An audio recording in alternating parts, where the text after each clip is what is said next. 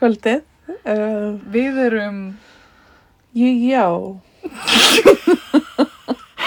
við erum Móa og, og Lóa. Og við erum frú, Barnaby. Í jólaskapi. Á aðvendunni. Já. Og við erum í jólabjórsmökkun. Já. Uh, samt bara með eina típu. Ég, ger verið, ég var ekki að lofa sko jólabjórsmökkun. Jú, þú varst bara, vá, við ætlum að... Ég vá hvað er mískilingur hann það í gangi. Nei, ég er, ég er að grínast. Ok, ok, hjú. Ég er bara að gera grín. Að því að ég er sem sagt, já, þetta er sem sagt ekki sponseraðar þáttur. Einmitt. En þetta er fárvittnilegt. Það var bara sjá, sjá hver afrækstur þessar ölgerðar er Já, af jólabjór bruggi. Segir maður það? Skál. skál. Ertu komin í jólaskap?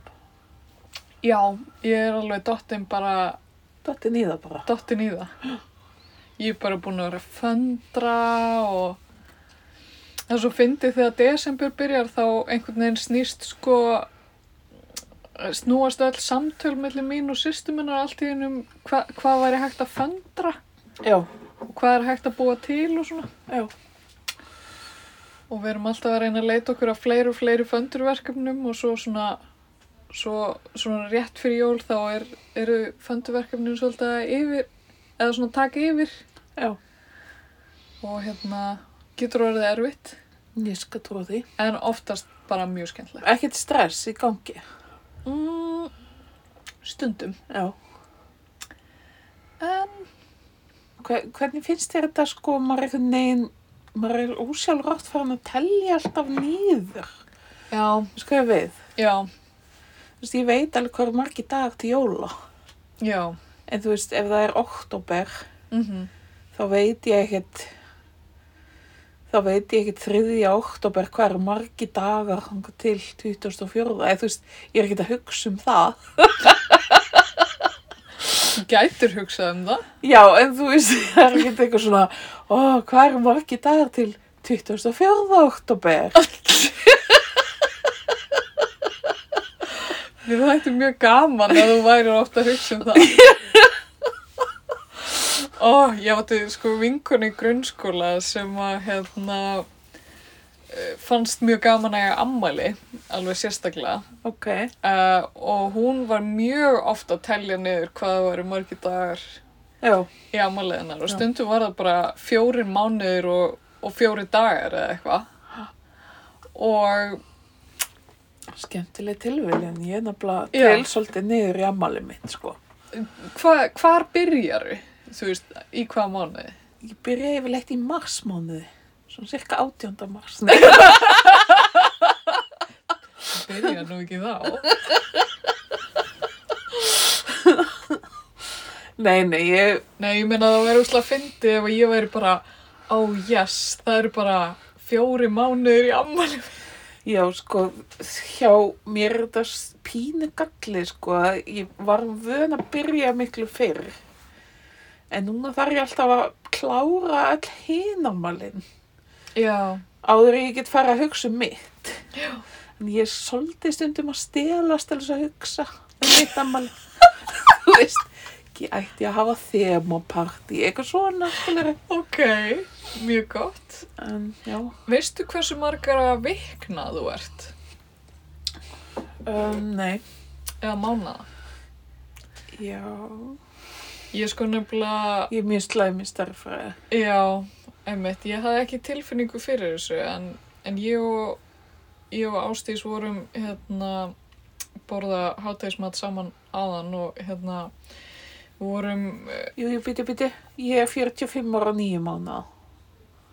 Geta verið. ég, ég veit það ekki, Næstu því eftir nokkra daga. en við vorum sko að telja mánuði alls Já, bara yfir höfuð. Við vorum nefnilega, við erum með svona kerti núna, þú veist, svona desemberkerti sem er alltaf að fara í fokk Já. með, sko, eins og, Alltaf. eins og alltaf. En hérna, þá vorum við að pæla í, sko, hversu marga mánuði, hversu marga mánuða við værum. Já. Og við reknum það út og svo urðum við svo spenntar og fórum að rekna vikurnar. Nema það er, hérna, síða á netinu, þar sem maður getur bara stimplað inn hvernig maður fættist. Já. þá getur síðan sagt manni hvað eru margi dagar síðan Einmitt. það var. Því það er allt til á netinu. Já! Og það er ekki að hugsa lengur. Nei! Til hvers að reikna? Þú veist, really? Bara, já, af hverju að vera að kenna þetta í veist, af hverju ekki bara að kenna að googla? Já, ég meina, en internetið gætt til dæmis sagt mér að ég held að sé á jóladag þá er ég búin að vera lifandi í 1500 vikur. Já, vá. Hugsa sér. Já. Þannig, þetta er svona, það helst að ertu 20, hvernig áttu ammali eftir? 27, já, það er náttúrulega, já, það er ekki á jóladag. Eða 27. Já. En þetta er svona það helst að frétta af, úr, úr svarthóli internetsins. Já. Gott. Það er gott.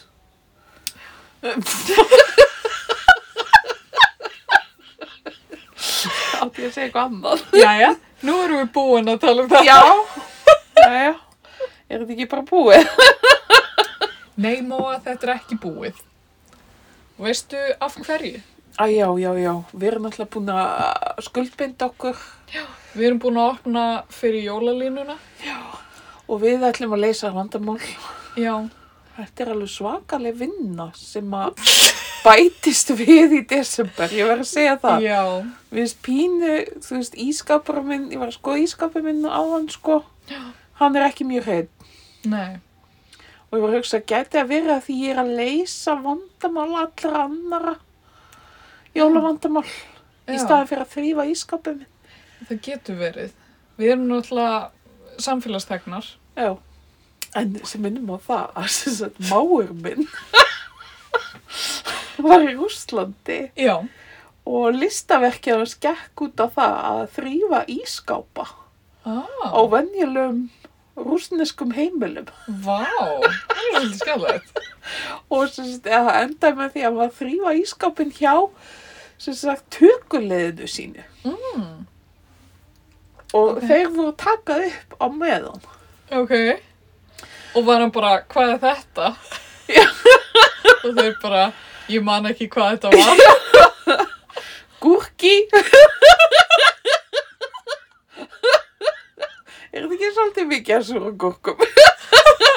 Halló. Ég veit ekki meir, mikið meira um þetta verk sko en Mhm. hérna en það var vist þannig að, Raggi Kjartans Jú, ég veit ekki hvort ég er slúra sko ég er ekki slúra það. en það, ég held að máum minn hlust ekki á frú Barnaby Nei. að hérna eða Raggi Kjartans Hver veit í þessu hann lífi? sem sagt fekk einhverja geggjaða íbúð þarna í Já. Og hérna nema hvað ískápur var vist alveg ríkala skítugur Új, þannig að hann var eitthvað að þrýfa ískápin í einhverju luxusíbúð í Moskvu ok.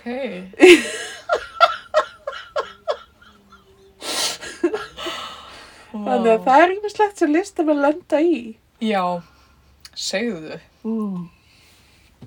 Náttúrulega veist allt um þetta Ég veit allt. Allt. allt ef þú veist það ekki þá myndu við það Nei, já. Maður hefur nú mýi í saltan sjó. Já, bókstaflega. Já. Mm og unga fólki myndi segja literally. Já, literally. Vorum við ekki að tala um gúrkutíð bara í svona síðasta þætti eða eitthvað? Jú, getur verið, já. Núna er ekki gúrkutíð. Hefur tekið eftir því? Nei, já, já. Það eru engar gúrkur. Það, nei, það er ekki gúrkutíð. Það er líka desember. Já, en það, ég hef ekki fundið gúrku. Já, Já, meinar þau agurkur? Já. Já, ég heldur um henni fréttum. Já. Um, nú, já, hefur ekki fundið gúrkur? Ég elska eitthvað þú breytti tóninu. Nú já, einmitt. Þetta var móa hlaðvarskjara kona. Hinn var bara þessi rugglaða venjulega móa. Bara, ó, já, er- gúrka, það er þetta nei. mjög góð lýsing, sko, á efisögnu minni. Rugglaða venjulega móa. Ég meinti þetta á mjög góðan hátt. Já, sko. ég bara tók því þannig, sko. Ah, en það er ekkert búið að vera til nema smá, smáargúrkur, sko. Er það ekki uppáldið þitt? Mm. Annars er pólski hérna búðin Já. í hverfinu með, alltaf með, þú veist, súra, Já. Einmitt. eða vil. Ég var ekki að leita súrum gúrkum. Nei, Nei. það eru nú góða. Það eru ágættar. Ég við nefnilega lendum í því við kaupum oft þar, sko, súra. Já. En lendum í því um daginn, sko, við viljum að hafa svona, þannig að það er svona crunchy. Já, svona stakkar. En við lendum í að það voru ekki crunchy. Það er agarlegt þegar maður Fá, í því. hvað það var skrítið. Það Já. var bara eins og að fá sér keks Já. og það bara svona, þú veist, Já. veginn, Bjóst við viðnámi, já, svo bara, það bara upphóst mjög mikill söknuður fyrir þessu ákveðna, stökkleika. já, Já. Mhm. það er náttúrulega til sko verkfræðingar Mhm. sem að, matarverkfræðingar Mhm. sem að afsaka, hérna sjá til þess að alls konar svona sé í gangi sko Mhm. að því maður náttúrulega bara borðar ekki bara með eða þú veist Nei, það er ekki bara bræðlaugarnir Nei, já, það er, það er mörg fleiri skinn Mhm.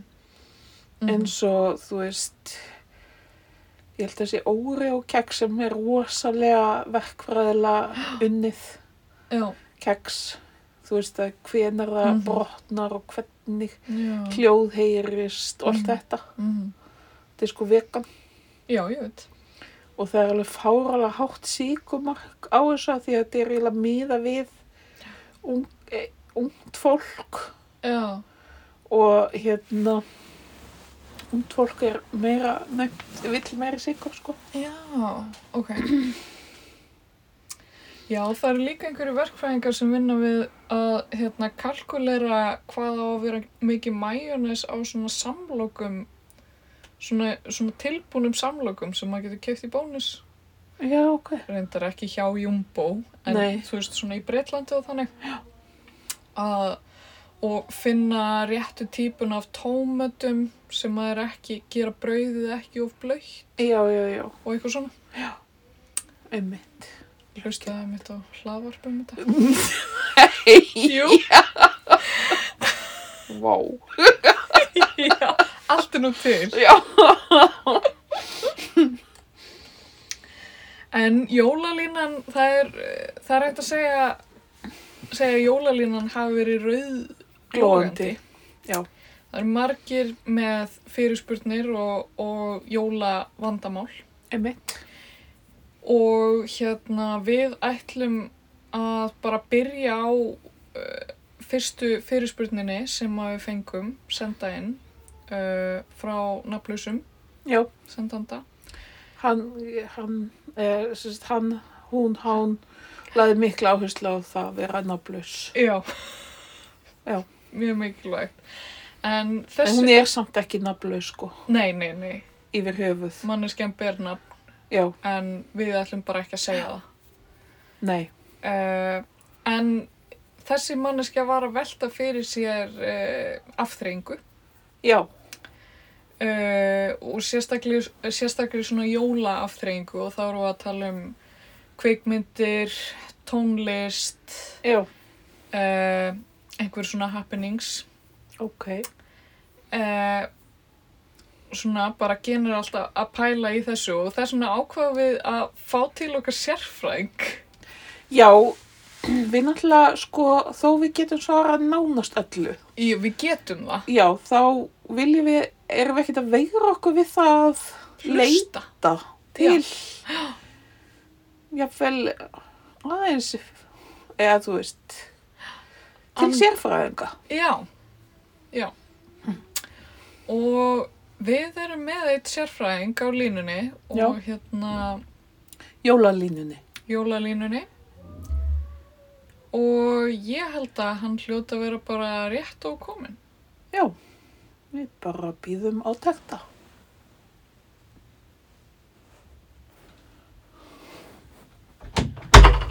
Hæ, Halló?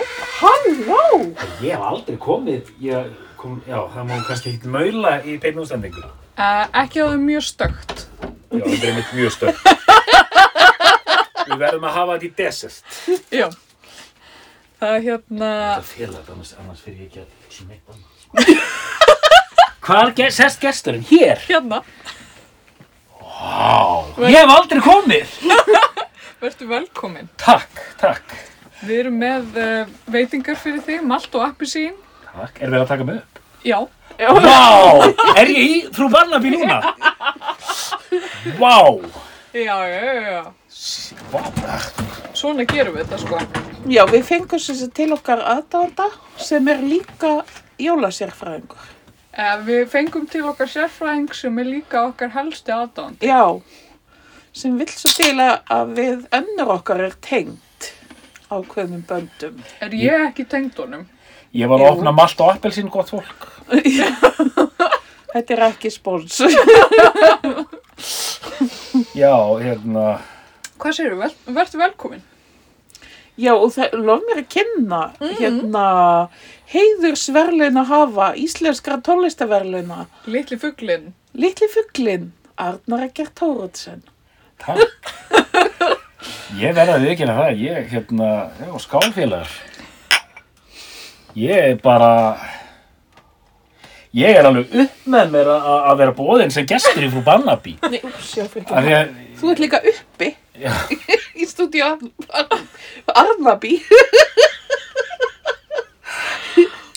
ég nefnilega, ég heyrði hvernig auður og, og hérna, og svona fleiri gestir sem hafa komið, þeir eru einmitt, það er, þetta er svona eins og mæta í, í spjallþátt í svona amerísku. Bara svona eins og Dr. Phil. Já, já, maður, maður er bara, maður veit ekki alveg hvernig á að haga sér, sko. Ellen DeGeneres. Já. Það ekki. Býtu, Ellen, var hún ekki eitthvað eitthvað leiðilegu starfsfólki sitt? Það er eitthvað í gangi með það. Það var eitthvað. Já, það er, sem sagt, það ávist að hafa verið bara hrikalegt, sko. Já, Nú, ok. bara einelti.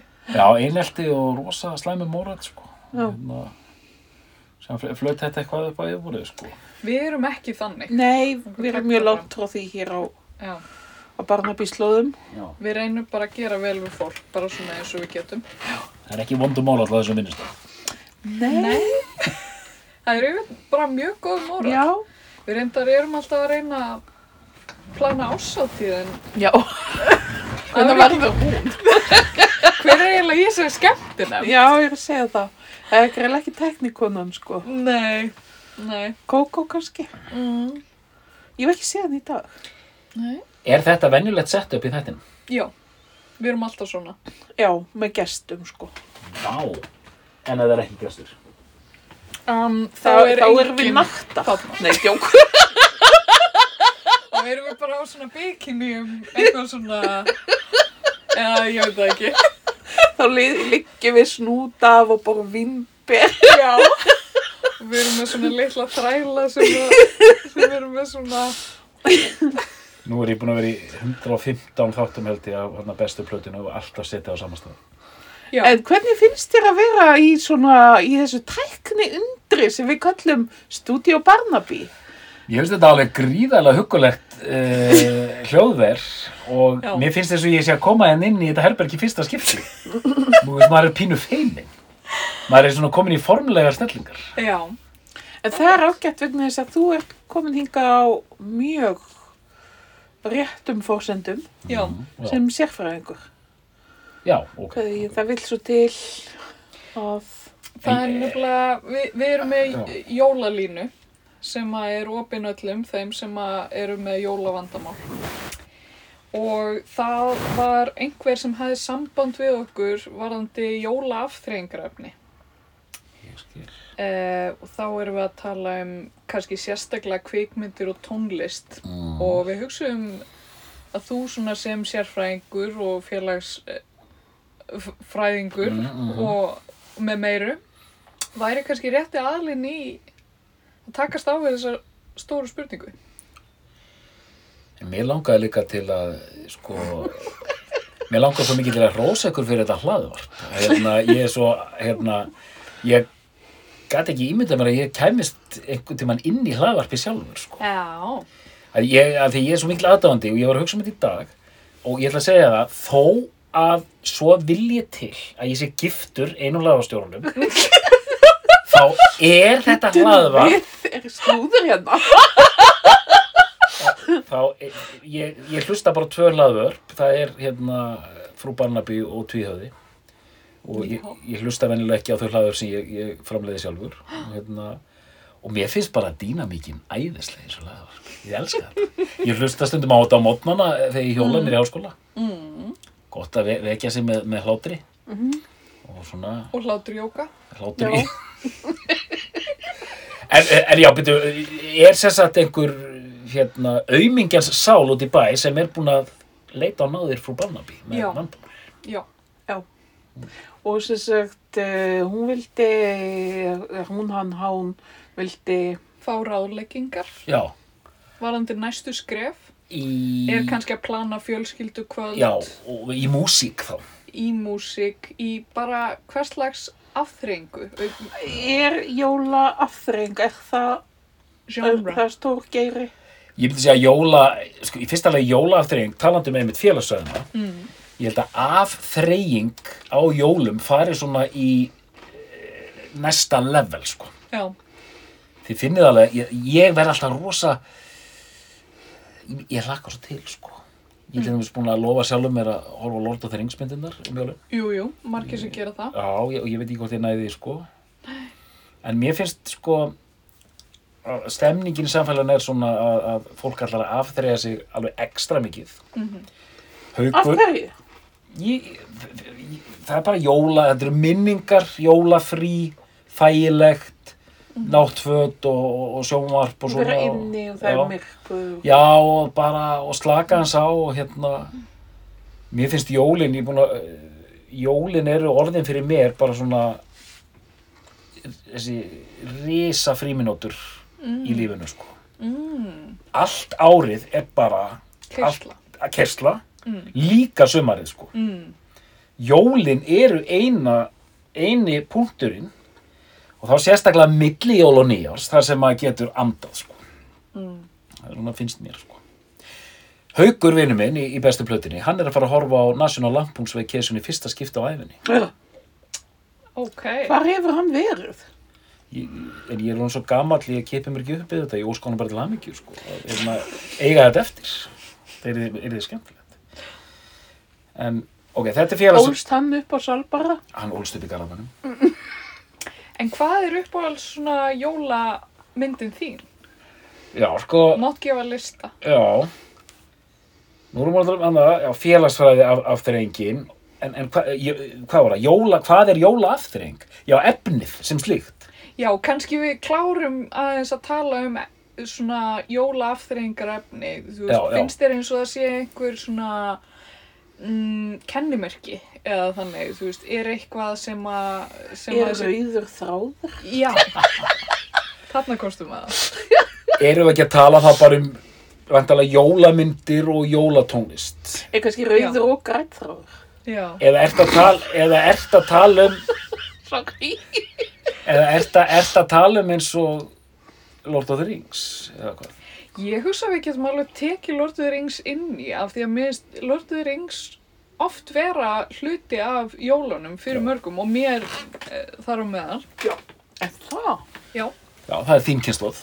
það er mín kynslu. Lord of the Rings og Harry Potter kynsluð. Harry Potter. Ég er einmitt uh, búin að stofna Harry Potter klúb. Við erum að fara að horfa á þriðju myndina á miðvikudaginn. Hold nú upp. En ég, hef náttúrulega hort á þar alla miljónsinum, Já. þannig að það er ekkert mikið sem kemur á óvart. Nei, En, nei, það er, þarna kostur reyndar með mjög góðan punkt að hérna, um jólinn þá erum við að horfa mjög mikið á efni sem við höfum séð miljón sem maður sko. Af hverju er þetta? bara það er eitthvað svona þægindi Já, svona Nostalgía. Nostalgía þú, þú veist hvað er að fara að gerast það eru atriðarna sem þið þykir væntum og þið hlakka til að sjá sko. þetta er eins og hérna eins og hérna þessi eldgamla þungarúsklónsett Iron Maiden sem gerir alltaf sömu plötuna þannig séð. Já, en þú veist, ég sem aðdándi ég setja bara svo, eins og að fá gamla frænda í heimsókn. Já. ég veit nákvæmlega hvað hann er að fara að segja. Mm og er pínur ruglaður kannski en mér þykir rosa væntum hann sko. Já. Þannig að jólin er svona tími gamla frændans. algjörlega Eða frænkunnar. og, þess vegna þegar þetta hefðir það eru Já. sumir alveg beinstífir á þessum hefðum er það ekki Já. móður? Er það ekki horf á mig? Ég er náttúrulega ólst ekki upp við neina ég, við erum með eiginlega að fara frekar harðar hefðir í, í jólamatnum Já, hva, Já. hvaða hefðir hafið þið þróað svona í ykkar búskap? Já, við borðum hákarlebúðing með jarabæra kryndi. og þá sveppa mikið Mjög gott. Nei, ok, sorry. Hérna, Uh, ég, er- pínu svona stress í mér að vera hérna með, ég, bara, Já. mér, ég, mér finnst bara eins og ég sé á rástöðu að tala í mikrofónu sko. já, sko, Láttu bara eins og þetta sé... þurfum við ekki, já, einmitt. sko hefðir Við hefðir erum með, já, við erum með mikla hefðir hér. það er ákveðin lögspil og ákveðin tímum það er ákveðin hlutir bakaðir þetta er nú hljómar ekki mjög það er einhver furðulegar hefðir þetta er allt mjög venjulegar jólahefðir Já. það er hérna stelpunna fá súklaði tal og hérna jólasveitnin heimsækja er vist ennþá Ok. er búið að tilkynna mér, ég er í beinu sambandi við jólasveitnin þær eru 16 og 14 ára í, í góðum díl Ekkert á því. og síðan er ákveðin manneskja sem hérna það er alveg mögulegt að hún fá líka skóin Nú. Ég er bara er búin að segja við þessa ákveðnu mannesku settu skónu til gluggan og það er aldrei að vita hvað gerist. Það sem ég segi alltaf. en hvað með Kókó? Fær hún eitthvað? Jólin? Hún fær jólagjöf Já. og svo fær hún jólamat. Hvað er í jólamatinn hjá henni? Ég held að að fengi rækjur síðast. Mm. Hún var ekki trefin að þeim. Ekki? Er þú stressum á þér? Já, það er smá stress í mér, sko. Ég er búin að vera vakandi svo lengi að ég kom með svona þreytu værð kæruleysi sem er, sem er þægilegt. Sko. Já. Það er svolítið kósi. Já, en jól, já, jólahefðir, tónlist, En Já. tökum bara fyrir kannski Já. fyrst kvikmyndir. Mm, já, bara ok. tölum um jólamyndir. sko ég, ég skal nefna bara fimm hérna random sem ég þykir mjög væntum. Já. Viltu það? Ég vil það. Ég ætla fyrst að nefna Elf sem hefur sko risið hratt upp listan undanfarnar ár. Frábær mynd. Uh, National Lampoon's Christmas Vacation hefur verið mjög lengi svona hjartbókin. Klassisk. Ég er mjög hrifin að Love Actually þó Já. að það sé búið að bannfæra hana af, ákveðnum hópum. Jú, jú. Uh, Die Hard sem auðvitað er eiginlega bara spennumynd en það er Já. einmitt eins og varst að nefna það er hort á hana Já. á jólunum og hún gerist reyndar á jólunum. Já, það er koma jól. Þó þetta sé ekki beint jólamynd. Og það er jólapartí. Já. Já. Sen er, ég er mjög hrifin af, ég er svo eini sem er hrifin af henni hérna á heimilinu, það er hérna Muppet Christmas Carol. Ok.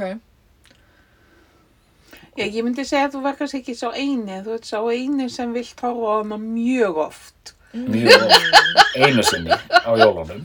Það er eitthvað tókströnd að það.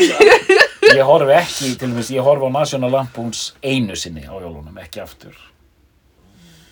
En ég var, var, var komið svo mikið æði fyrir hérna þessari Christmas Carol hérna að ég einsetti mér að síðast að ætla að horfa á fleiri útgáfur. Mm. Þetta gafst aldrei tími til þess. Nei. Þetta er svona söngleikur. en hérna, en, en, en, nú erum við fjölskylda, sko, fjögur. Mm Hérna, Þá þarf þetta náttúrulega líka svolítið að fara eftir hvað, hvað meiri hlutin vill eða, eða hvernig er, hvernig er ákveðið hvað þið horfið á. Er þetta Þrætu eplið eða? Já, Manst, manstu móhör þegar við réðum bara alveg. já, það er svolítið langt síðan. Var það ekki gaman? Já. Það var mjög þægilegt. Nú er þetta einmitt Nú horfum við á þetta. Já, ok. Jæja, við erum að fara í ferðalag. Við ætlum að fara að kera upp í Stikisholm. Ok. Erum við að fara til Danmerkur? Ok. Það veist, aldrei, og stelpunum voru á þessum aldrei út í Skotlandi, að það var bara no questions asked. Já, nema þegar við fórum til Glasgow. Já, smá. Nei, en hérna, Það hétu Glasgow. en, en núna er þetta, það, þarf, það er miklu meira vesen. Þetta er svona eins og að vera komin inn í, í saminu þjóðunar, sko. Það er endalisi samningar og wheeling and dealing og, og alls svona kerfi, ég vorum eitt Mútur? mútur, en stundum, við erum eitt ágætiskerfi sem við notum stundum uh, hérna búum við til fjóra miða og setjum í krukku og sendir eigur hann og þú veist, Mm. eða skiptumst á sko, Mm að það bara færðu algjörlega ráðar sko Já. og hérna en já, En þessi manneskja sem að vildi fá ráð varandi afþreyingu. Þetta var mjög óljóst. Já, já, já. já Opin, opin spurning. Hún er búin að fá núna hugmyndir af fimm bíómyndin. Já. Og ég, ég myndi nú alveg bara mæla með Lord of the Rings og Harry Potter fyrir Já. alla þá sem vilja komast í jólaskapið. Já, þú myndi gera það. Já, þetta eru mína jóla. Þetta eru þínar jólamyndir.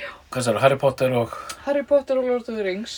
Er þetta það sem millennials horfa á um jólum? Þe- þessa myndir hafa sömu stöðu hjá Öðurlóu og Star Wars hefur hjá mér þetta er sama dæmið Já, já. Og í Harry Potter, í hverja einustu mynd held ég, koma jól. Þannig þetta eru átta myndir og það eru jól held ég í þeim öllum. En það veitir nú kannski taka Harry Potter aftur. Ég mælu með því. Sumir voru nú ekkert rosalega hrifnir á því þegar við tókum það að stelpunar, sko. Ég skil. Það er, ég á frænda sem er á svipum aldri og þið og hann fór með þá kærustunum sinni og já, þau eru reyndur ekki gift. Hún er ennþá bara kærastuna. Gera eitthvað í því. já, mental note.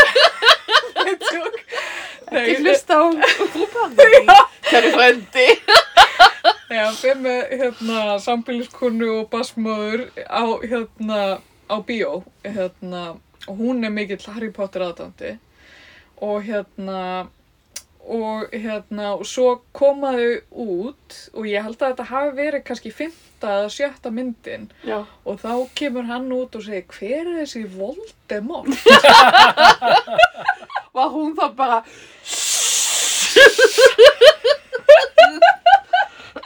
Þetta er eins og atriði hérna þegar þykk of it þegar hann var að tala um, manstu, þegar Malcolm var að tala um Star Wars. Manstu ekki? nei, Ég síndi þeirra? Já. Það er bannað svona insider. einmitt. Já, já, Þú ég skil, ég þú skil. ert í viðtali. Já, já, Þú já. ert á rás 2. Já, já, já. Eða eins og færingarnir myndi segja rás 2. Rást tvær. 2. Þetta er eins og ég var einmitt á rás 2 með 2 og ég er bara eitthvað að fara að hérna, spjalla við hinn um, um já, já. Já, það er ekkert eitthvað svona insight, þú Nei. veist, Nei. ég þarf að vita um hvað við Já, erum að ég skil, ég skil, ég, ég, ég, ég tek þetta tilbaka og það tekur of langan tíma að, að hérna, já, þetta, þetta er of langt. Já, já, já. Við, við, tökum þetta tilbaka, Gula spjaldið, guðlarspjaldið, Já. Ekkert svona. ekkert svona, hérna, Og ég var að hugsa að við ættum líka að hafa svona, svona öryggisorð, svona safety word, ef að, ef að hlutirnir er eitthvað, þú veist, ef, ef að fólk er að tala of mikið, til dæmis. E- Eða Er eitthvað, það bara átt við sum? eitthvað, eitthvað myndi ekki svo að sé hægt á því, Arnar. Eða, eða þurfum við, e- ættum við að hafa eitthvað svona, eitthvað Svona svona, merki eitthvað svona þá. merki. Já. um, um hvað þá? Við höfum merki. Já. En talandi, já, þá erum við búin að fara svolítið vel yfir kvikmyndabransan. En býtu, kvikmyndir eru einhverja sem eru uppáldi hjá þér? Já, sko, uppáldi hjá mér er, er, ég elska Love Actually Já. og Holiday, ég var að horfa á hann um daginn, hún er mjög góð. Mhm. Og svo vorum við, svo er náttúrulega eina mínum langsamlega uppáhalds, Paddington. Jú, jú. Hún náttúrulega gerist á jólunum Mhm. uh, og er jólamynd. Um, hérna, þetta er nú við, Þú varst ekki múin að tala um elf. já, elf. Já. Getum við talað eins um elf? Tölum aðeins um Elf. myndin, myndin Elf er um stóran Elf. Já, eða sagt mann sem heldur hann sjálfur. Já. Hann elst upp með Elfum Já, og hann er ógeðslega fyndinn hann er sjúkla fyndin. og stútfullur af Ást ást og, og jólaanda. og kærleika. Já. Og er ógesla góður í að búa til jólaskraut. Og það er það sem ég öfundan samt mest yfir. Mhm. Yfir all, allt þetta pappírstótt. Já. Oh, I love it. Þegar hann skreitir alla búðina. Já. Er það uppáhaldsparturinn á myndinni? Oh, það eða þegar hann er bora spagetti með sigri. Með þig, Arnar? Já, Hvað sko, stendur upp úr? ég, það er bara mynd sem, hérna, eh, hún hefur, ég var, þú veist, fyrir svona þrem, fjórum mál síðan, það var á elf og, og þær voru orðnar rosa, hérna, hrifnar Mm. og ég var í, alveg byrjun svona meira með á kantinum Mm. en sen er ég núna bara bara hún verður betri og betri eftir hvert einasta áhorf sko. Já. hún er eitthvað svona hann leikur þetta rosalega vel Mhm. og mér finnst hún sterk líka hún hérna, Zoe. já mér finnst, hún sterk og James Caan sem leikur pappans Já. hann er frábær Hann kann eitthvað. hann er ekkert er, er, er ekkert merkið fyrir hérna Við getum líka haft merki fyrir þetta. Hvað? Hvað? Ég vil segja það frá það fyrir eitthvað núna. Nei, slöpp því.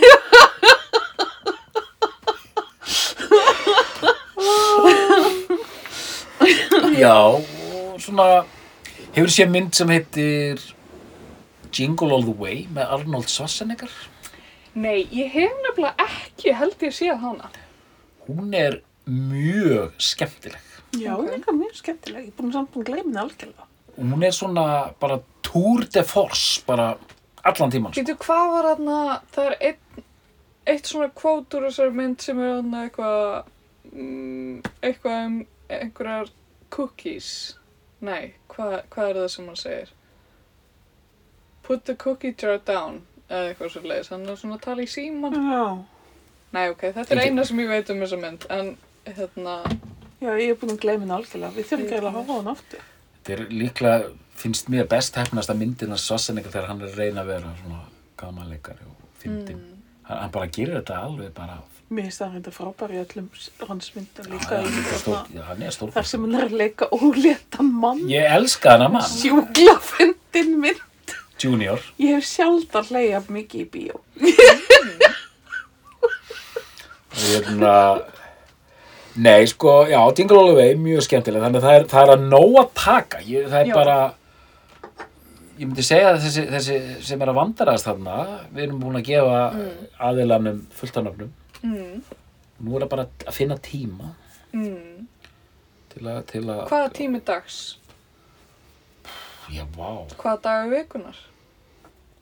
Sko, bara, þú veist, þegar tími gefst, ég veit ekki hvað, hvað svo, að því að maður er einhvern veginn svolítið meira upptekinn en maður vildi vera á aðvendun. já, Einmitt. Á hverju einustu aðvendu hugsa ég, oh, ég hefði átt að gera þetta allt í nóvember, Mm svo ég geti verið að njóta alls þessa jóla Já.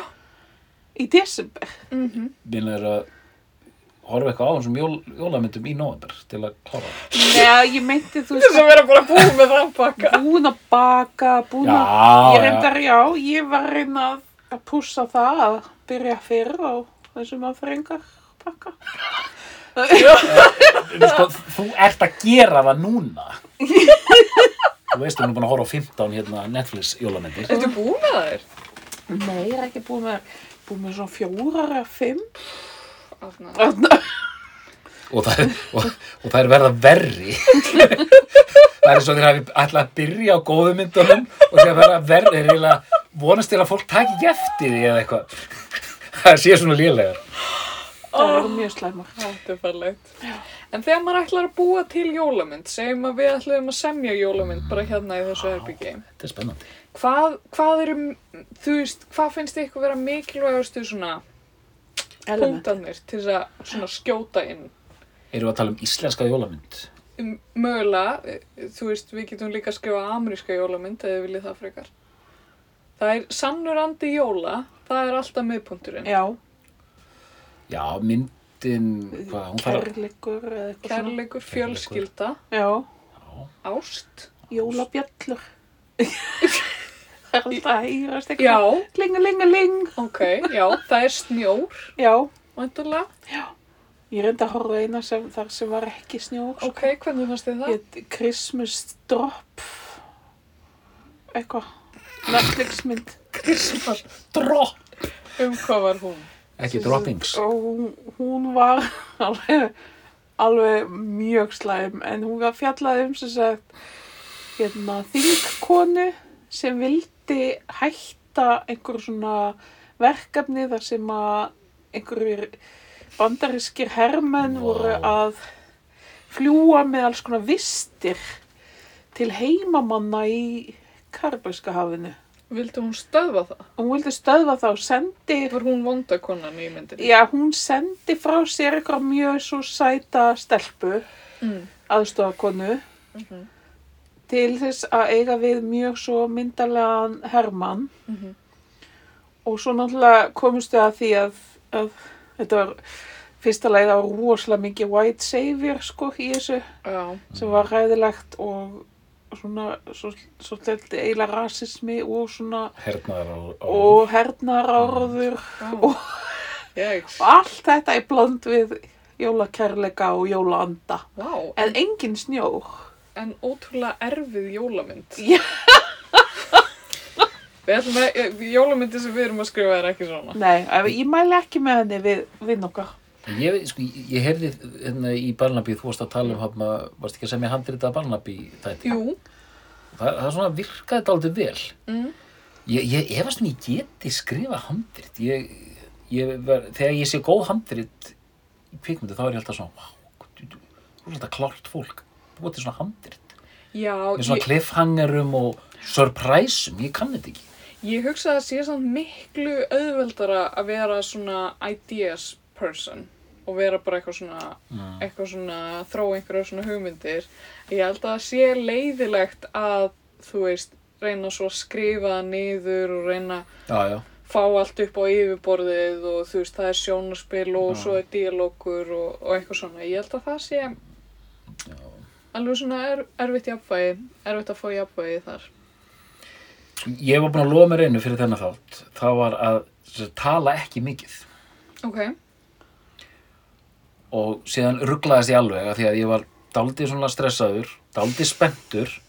Og síðan fekk ég spurningar og þá fór ég, var ég svo samvinskusamur, ég fór að hérna, svara ókslega mikið já, og alveg svona hra- hratt og líka orðinn svolítið svona þreyttur. Já, og hérna, að því mér finnst svo sérkennilegt að vera hérna, að því að mér finnst þetta hlaðvarp vera innlegg í það að vera ekki með malandi kalla í öllum hlaðvarpum og hér er ég, sko. já, emmitt. Og það gengur Finnst þér þú vera á hættusvæði þá? Eða, Nei, ég er að reyna að temja mig á gamalsaldri, að reyna að halda kjafti hérna, og taka ekki alltaf yfir orðið, sko. ok. Og það eru þetta líka fjölskyldaðastæður og svona móður, það er, ég er tala um stór fjölskyldur. erfiðar fjölskyldu þess Nei, djók Vá, það er... Ég er tala um þessa fjölskyldu. Mikið slúður í, í þessu þætti. Ég er bara að tala um þetta, þú veist hvað ég er að tala um. Ég og bróður minn maland og malandi, mikið að sýsti minn komst aldrei að, ríkalegt. Já, emmitt. Þetta getur verið erfitt. Kannski getur þetta verið karakter í jólamyndin okkar. Já. Sem lærir að halda kjafti Læra að halda kjafti, og hlusta á aðra. já. Og loka atriðið svona þögn, hann svona, sem segir hann bara rétt í hendan.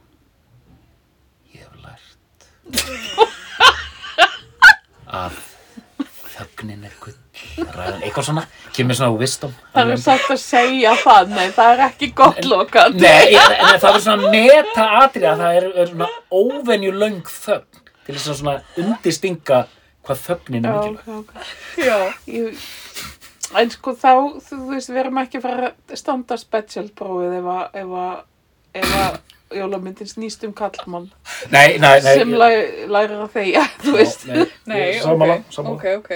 En, en það getur líka alveg verið kona sem kann ekki þegja. Já, Já, nei, en það, það, þið eru með svo langan bakreikning. Bakreikning. Já, já, Konur já. eiga bara að vera á öllum listum, taka allt, tala og tala og tala. getur við nokkuð finnst reynd meira mandarinn. Að rétta svona vogar skálanar. Já, karlmenn eru búin að vera á topp 50 á öllum listum síðan bara 3000 fyrir Krist. Já. En núna þegar maður er að setja saman lista í dómnendum Mm og allt í einu eru fjóra konur og eitt kall, eru, er ekki aðeins svo margar konur á þessu lista? Þá segi ég alltaf, hei, Nei. nei, það eru allt og fáar. Já. Nei, ég er alveg sammálað þessu. þannig að ég, já, bara hana nú. En já, svo við Já. kannski aðeins yfir í þitt sérsvið. Mitt, mitt, Já, er verið að tala um mig. Æskjuru þess að ég kom með eitthvað fram að það. það er ekki svo hægt að segja það í stuttum máli. Já. Þú Hérna- ert í viðtali. Já, já, það er rétt. Ég, þannig ég verði að tala Hvað, eitt. hver er, Já, já, já. hver er uppáháls jólaplataðin? Nei, Arna, við komum bara með þig hingað til þess að þú getur hlusta Já, á ambience, Já. smá ambience. Það er með okkur hérna gestur. Hann ætlar-. Hann ætlar í virðingu við kvenkinnið ekki að segja Ég neitt. Nei, hvað segirðu? Já, uppáhalds jólaplatan. Heyrðu, ég var, Getur þú nefnt aðeins eina? ég geta nefnt aðeins eina, ég var í jólaþætti í gær. Já. Við vorum að taka upp jólaspecial hérna við í bestu plötunni Mm.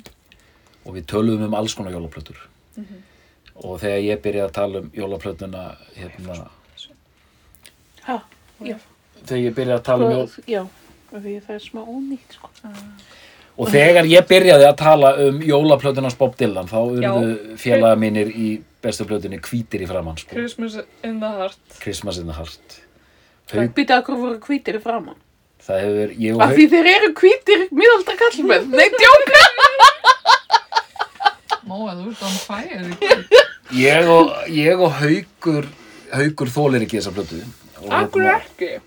hann bara, og, og þú veist, og ég var að grínast í honum, ég sagði við hann, áður en við fórum að hitta svona reglulega, við höfum alltaf svona fílað hvern annan, og svona voru fylgjast með hvora öðrum úr fjarlægi, þá kom hann stundum með post um jólaleitið, eitthvað svona, ó nei, nú kvíði ég jólunum að því nú fyrir Arnar ekkert að tala um Bob Dylan jólaplötuna Lon og Baldur var bara, hann er búin að heyra mig tala svo mikið um plötur og hann var bara, bara þreyttur. En ég myndi nefna hana ég er þetta með nokkra sem bara bestu jólaplötu sem ég nokkuð tímann heyr Já. Hún er mjög góð. Hún er geggjuð. Já. þegar hún byrjar til þeim sérna niðri þá segi ég alltaf sömu setningin ég segi bara, veistu það móður mér væri sama þó að þessi plata yrði bara rúlandi til eiliðanums Mm. þetta er svo ógeðslega góðu fílingur í þessari plötu maður er bara Já. svona einmitt, og hvað er það? þetta er svona gröff rödd Já, ég var nefnilega ekki alveg seld á þetta þarna fyrst, sko. Og mér fannst þetta rosalega skrítið þegar ég heyrði þetta fyrst. En þetta er mikilvæga partur af svona, þetta er- var eiginlega eina jólahæðin hjá, sem kom frá Starka já, í okkar sambandi. Og það er þetta að hlusta á Christ- Christmas in the Heart. já. Og hérna, ég varð bara að taka þessa plötu inn í hjarta mitt. Já, og bara, ég bara sé ekki eftir því, sko. Nei, ég meina, ég man, ég fekk hann á geisladiski bara inn á borð til minn þegar ég var að vinna á morgunblæðinu, Mhm. hann kemur nú 2009 en ég man bara fyrst að mér fannst coverið svo cool svona gamaldags Mhm. cover svona Dr. Sivako feelingur Mhm. og það var bara eitthvað svona cool við hana líka, ég bara, hann er alveg að meika það, hann, hann Dylan, sko Mm. og hann var búinn að vera að gefa út cool plötur líka á þessu tímabili Já. Þannig að þetta var alveg bara, bara halleluja, sko. Þannig að ég myndi nefna hana, en við erum nú með fleiri. bókaðinu. Og mér langar nú að skjóta inn líka að ég, hérna, þegar að ég og Starki byrjuðum saman, þá var ég haldin þeirri ránkumynd að, hérna, já, þetta er geggja plötucover. Ég hlust alltaf bara á Spotify. Já, Já. já, já, sé- sérðu, einmitt, sem, sem, sem listamaður, þetta er svona Þetta er svona old school. old school alveg einhvern megin og bara, þetta er alveg, þetta rammar eitthvað inn, sko. Það er jólandi í þessu, sko. Það er sannur jólandi. Og ég, Og svo er hérna, sé ég að það er kvikmynd sem heitir Christmas in my heart. já, Sem er kannski eitthvað fyrir kvikmyndaklubin. já, kannski ekki alveg, kannski ekki alveg að cool og hérna Bob Dylan coverið, en Það er einhver rómans þannig, jólarómans. Mér síndist þetta að vera Harry og Meghan þarna. Mm, Já, svona næstu því. Já. En já, fyrir ekki, ég, hérna, það, það sem ég ætlaði að segja var að ég var haldið þeirri ránkumunda að eiginlega allt nýja stöfið frá Bob Dylan væri ekki droslega gott. Af því að ég var bara, þú veist, eitthvað, hlust á Mr. Tambourine Man og eitthvað. En svo var ég uh, góðfúslega kynnt fyrir öllu nýja dótinu hans Bob Dylans. já, Og mér finnst það bara geggja gott stöf. Og hérna eins og Frank Sinatra platan. Dásamleg. Við hlustum rosa mikið á hana. Og hérna, og svo hef ég dotti, dotti því að hlusta rosa mikið á, þú veist, svona obscure plötunar hans, eins og Saved. Og það sem Já. heldur hans í Jésús. Já, Kristi Löfblöðunar. Já. Og mér finnst það bara geggja líka. Þannig að ég, þú veist, ma- you live and you learn. Ég, ég hef líka útskipt fyrir fólk sem er að býstnast yfir þessari Bob Dylan jólaplötu að Mm. þetta eru svo mikið til amerísk þjóðlög gömul. Algjörlega. Þannig að hann, er að byggja á hefð. hann er að byggja á hefð sem hann þekkir alveg inn út. Mm. Þannig að þú veist að það er ekkert óeðlegt við að hann sé að tækla þessu lög. Og maður heyrir það hvað hann um svona, eh, hvað hann þykir vendum þetta sko. En má ég hérna nefna, kannski nefna tværi viðbót, má, ég það? Já. Viðbót, Í stuttumáli. stuttumáli. Annars gefur þér merkið. Já, já, gefum við merkið. Á, ég komið kompakt.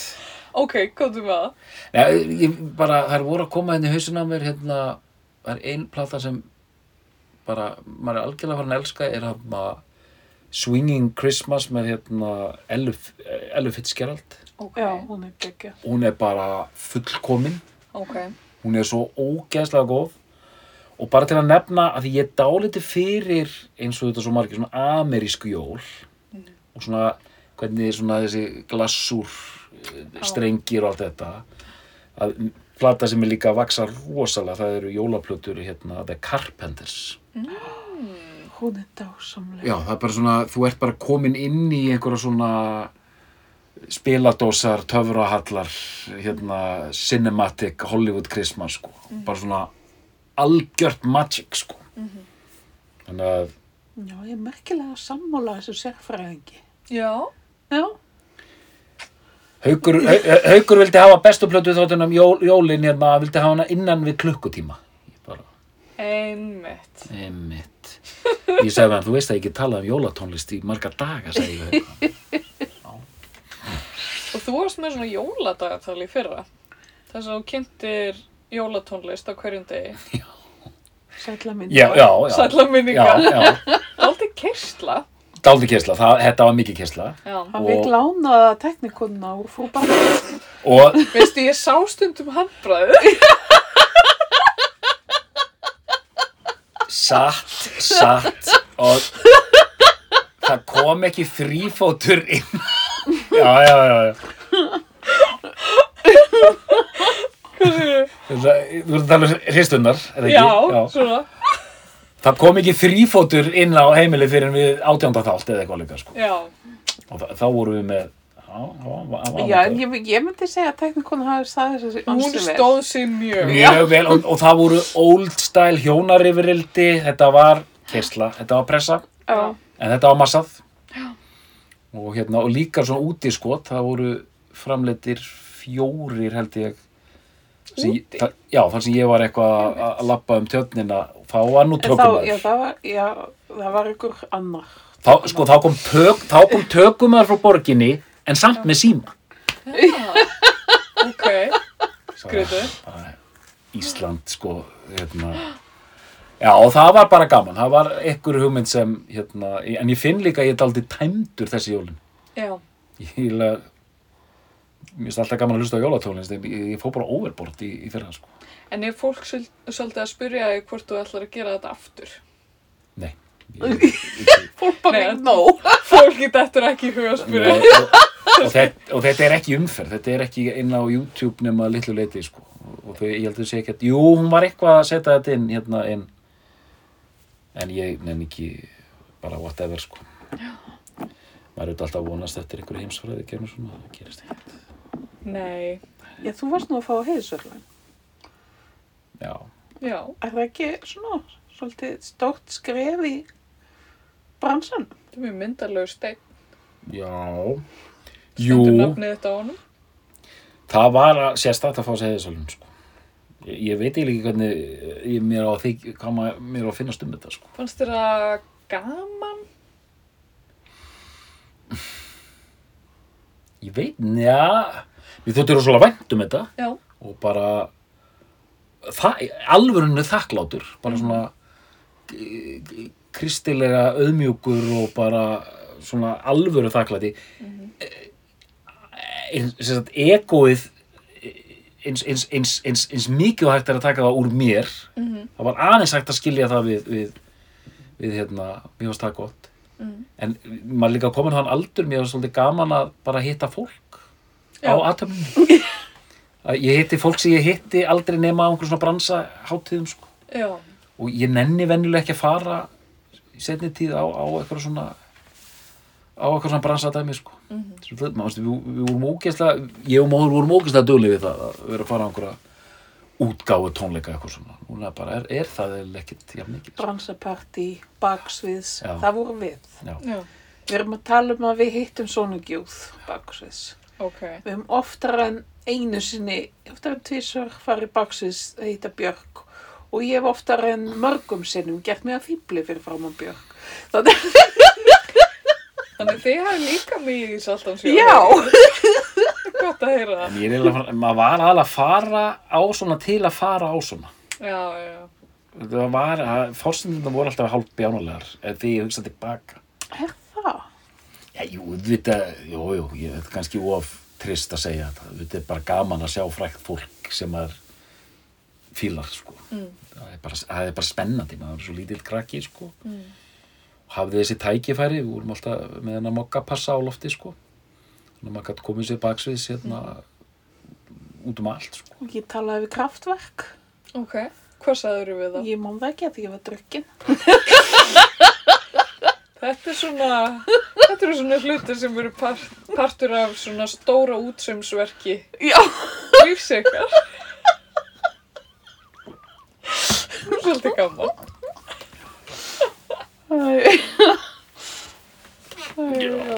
Svalir, gaurar. Já. Hvað er kraftverk? Kraftverk hefur ekki gert jólaplötu eða? Nei, Vá, það var geggjað. Það var geggju jólaplata. Ég, ég heyrist, þú veist, ekki neginn jólapjallirnar.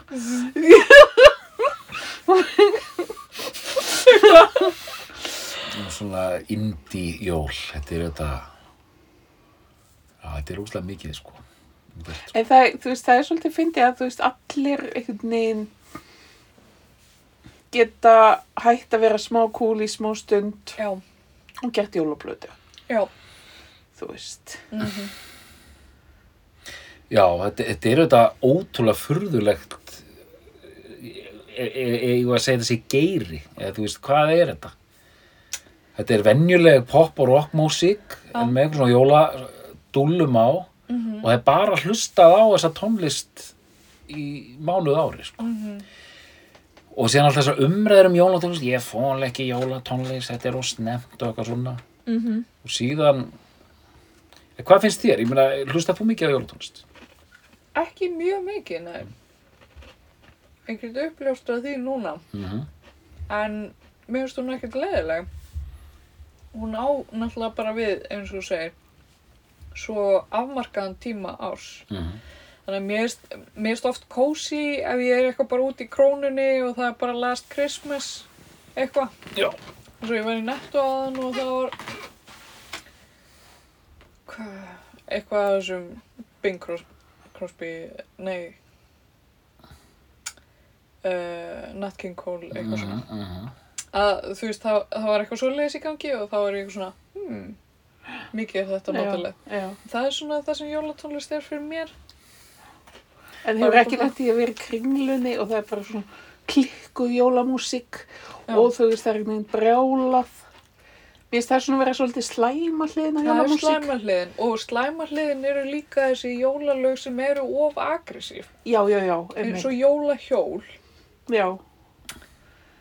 Ég, ég, ég hef samt svona Hvað svolítið veikan blett fyrir því að því að ég, þetta er ekki því að ég er bara af þeirri kynsluð eða eitthvað. já, Ég kemst í pínu svona jólastuði, ég heyrði það sko. já hvað finnst fólk í bransanum um jólahjól til dæmis Sko, jólahjól er einmitt eitt af þessu lögum þetta er svona eins og hann að creep með Radiohead Þetta er svona, svona ofspilað algerlega mhm það var spilað algerlega bara í drep, hann að jólahjól en ég er sammála mér finnst þetta aldrei skemmtilegt Já. Ég er bara algjörlega með. Ég þetta veikan finn- blett fyrir því. þetta er fyndið lag sko. og hérna bra, já, bransinn svona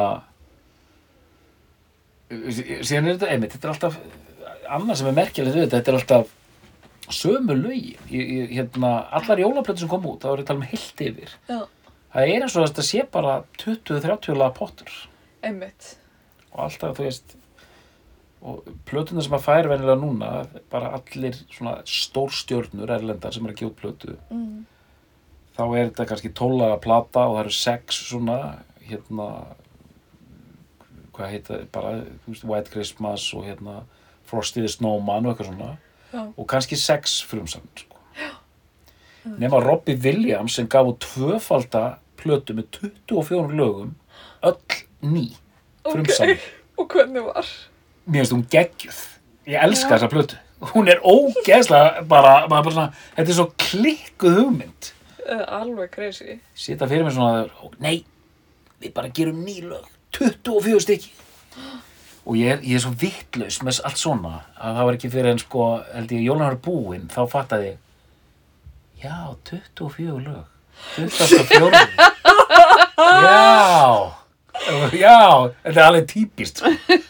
Æ, já, já, ok En er eitthvað af þessum lögum í einhverju svona almenni sirkuleringu eða þú veist, myndur þú heyra þig á jólarásinni eða nei, þetta er, það er eiginlega ósnemt fyrir það sko Já, það er, það er eitt að þú veist, ég held að sé sérstaklega í dag mm.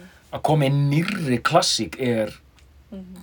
það, nýjasta klassíkin er vantilega þarna lagið en Mario Carri sem Já. ég elska. það er Já. 25 ára gammal Það er svo ógislega gott lag. 25 ára gamalt Oh my god. Vá! Hvað er Marja Karri gummul? Ég held þú verið svona átján.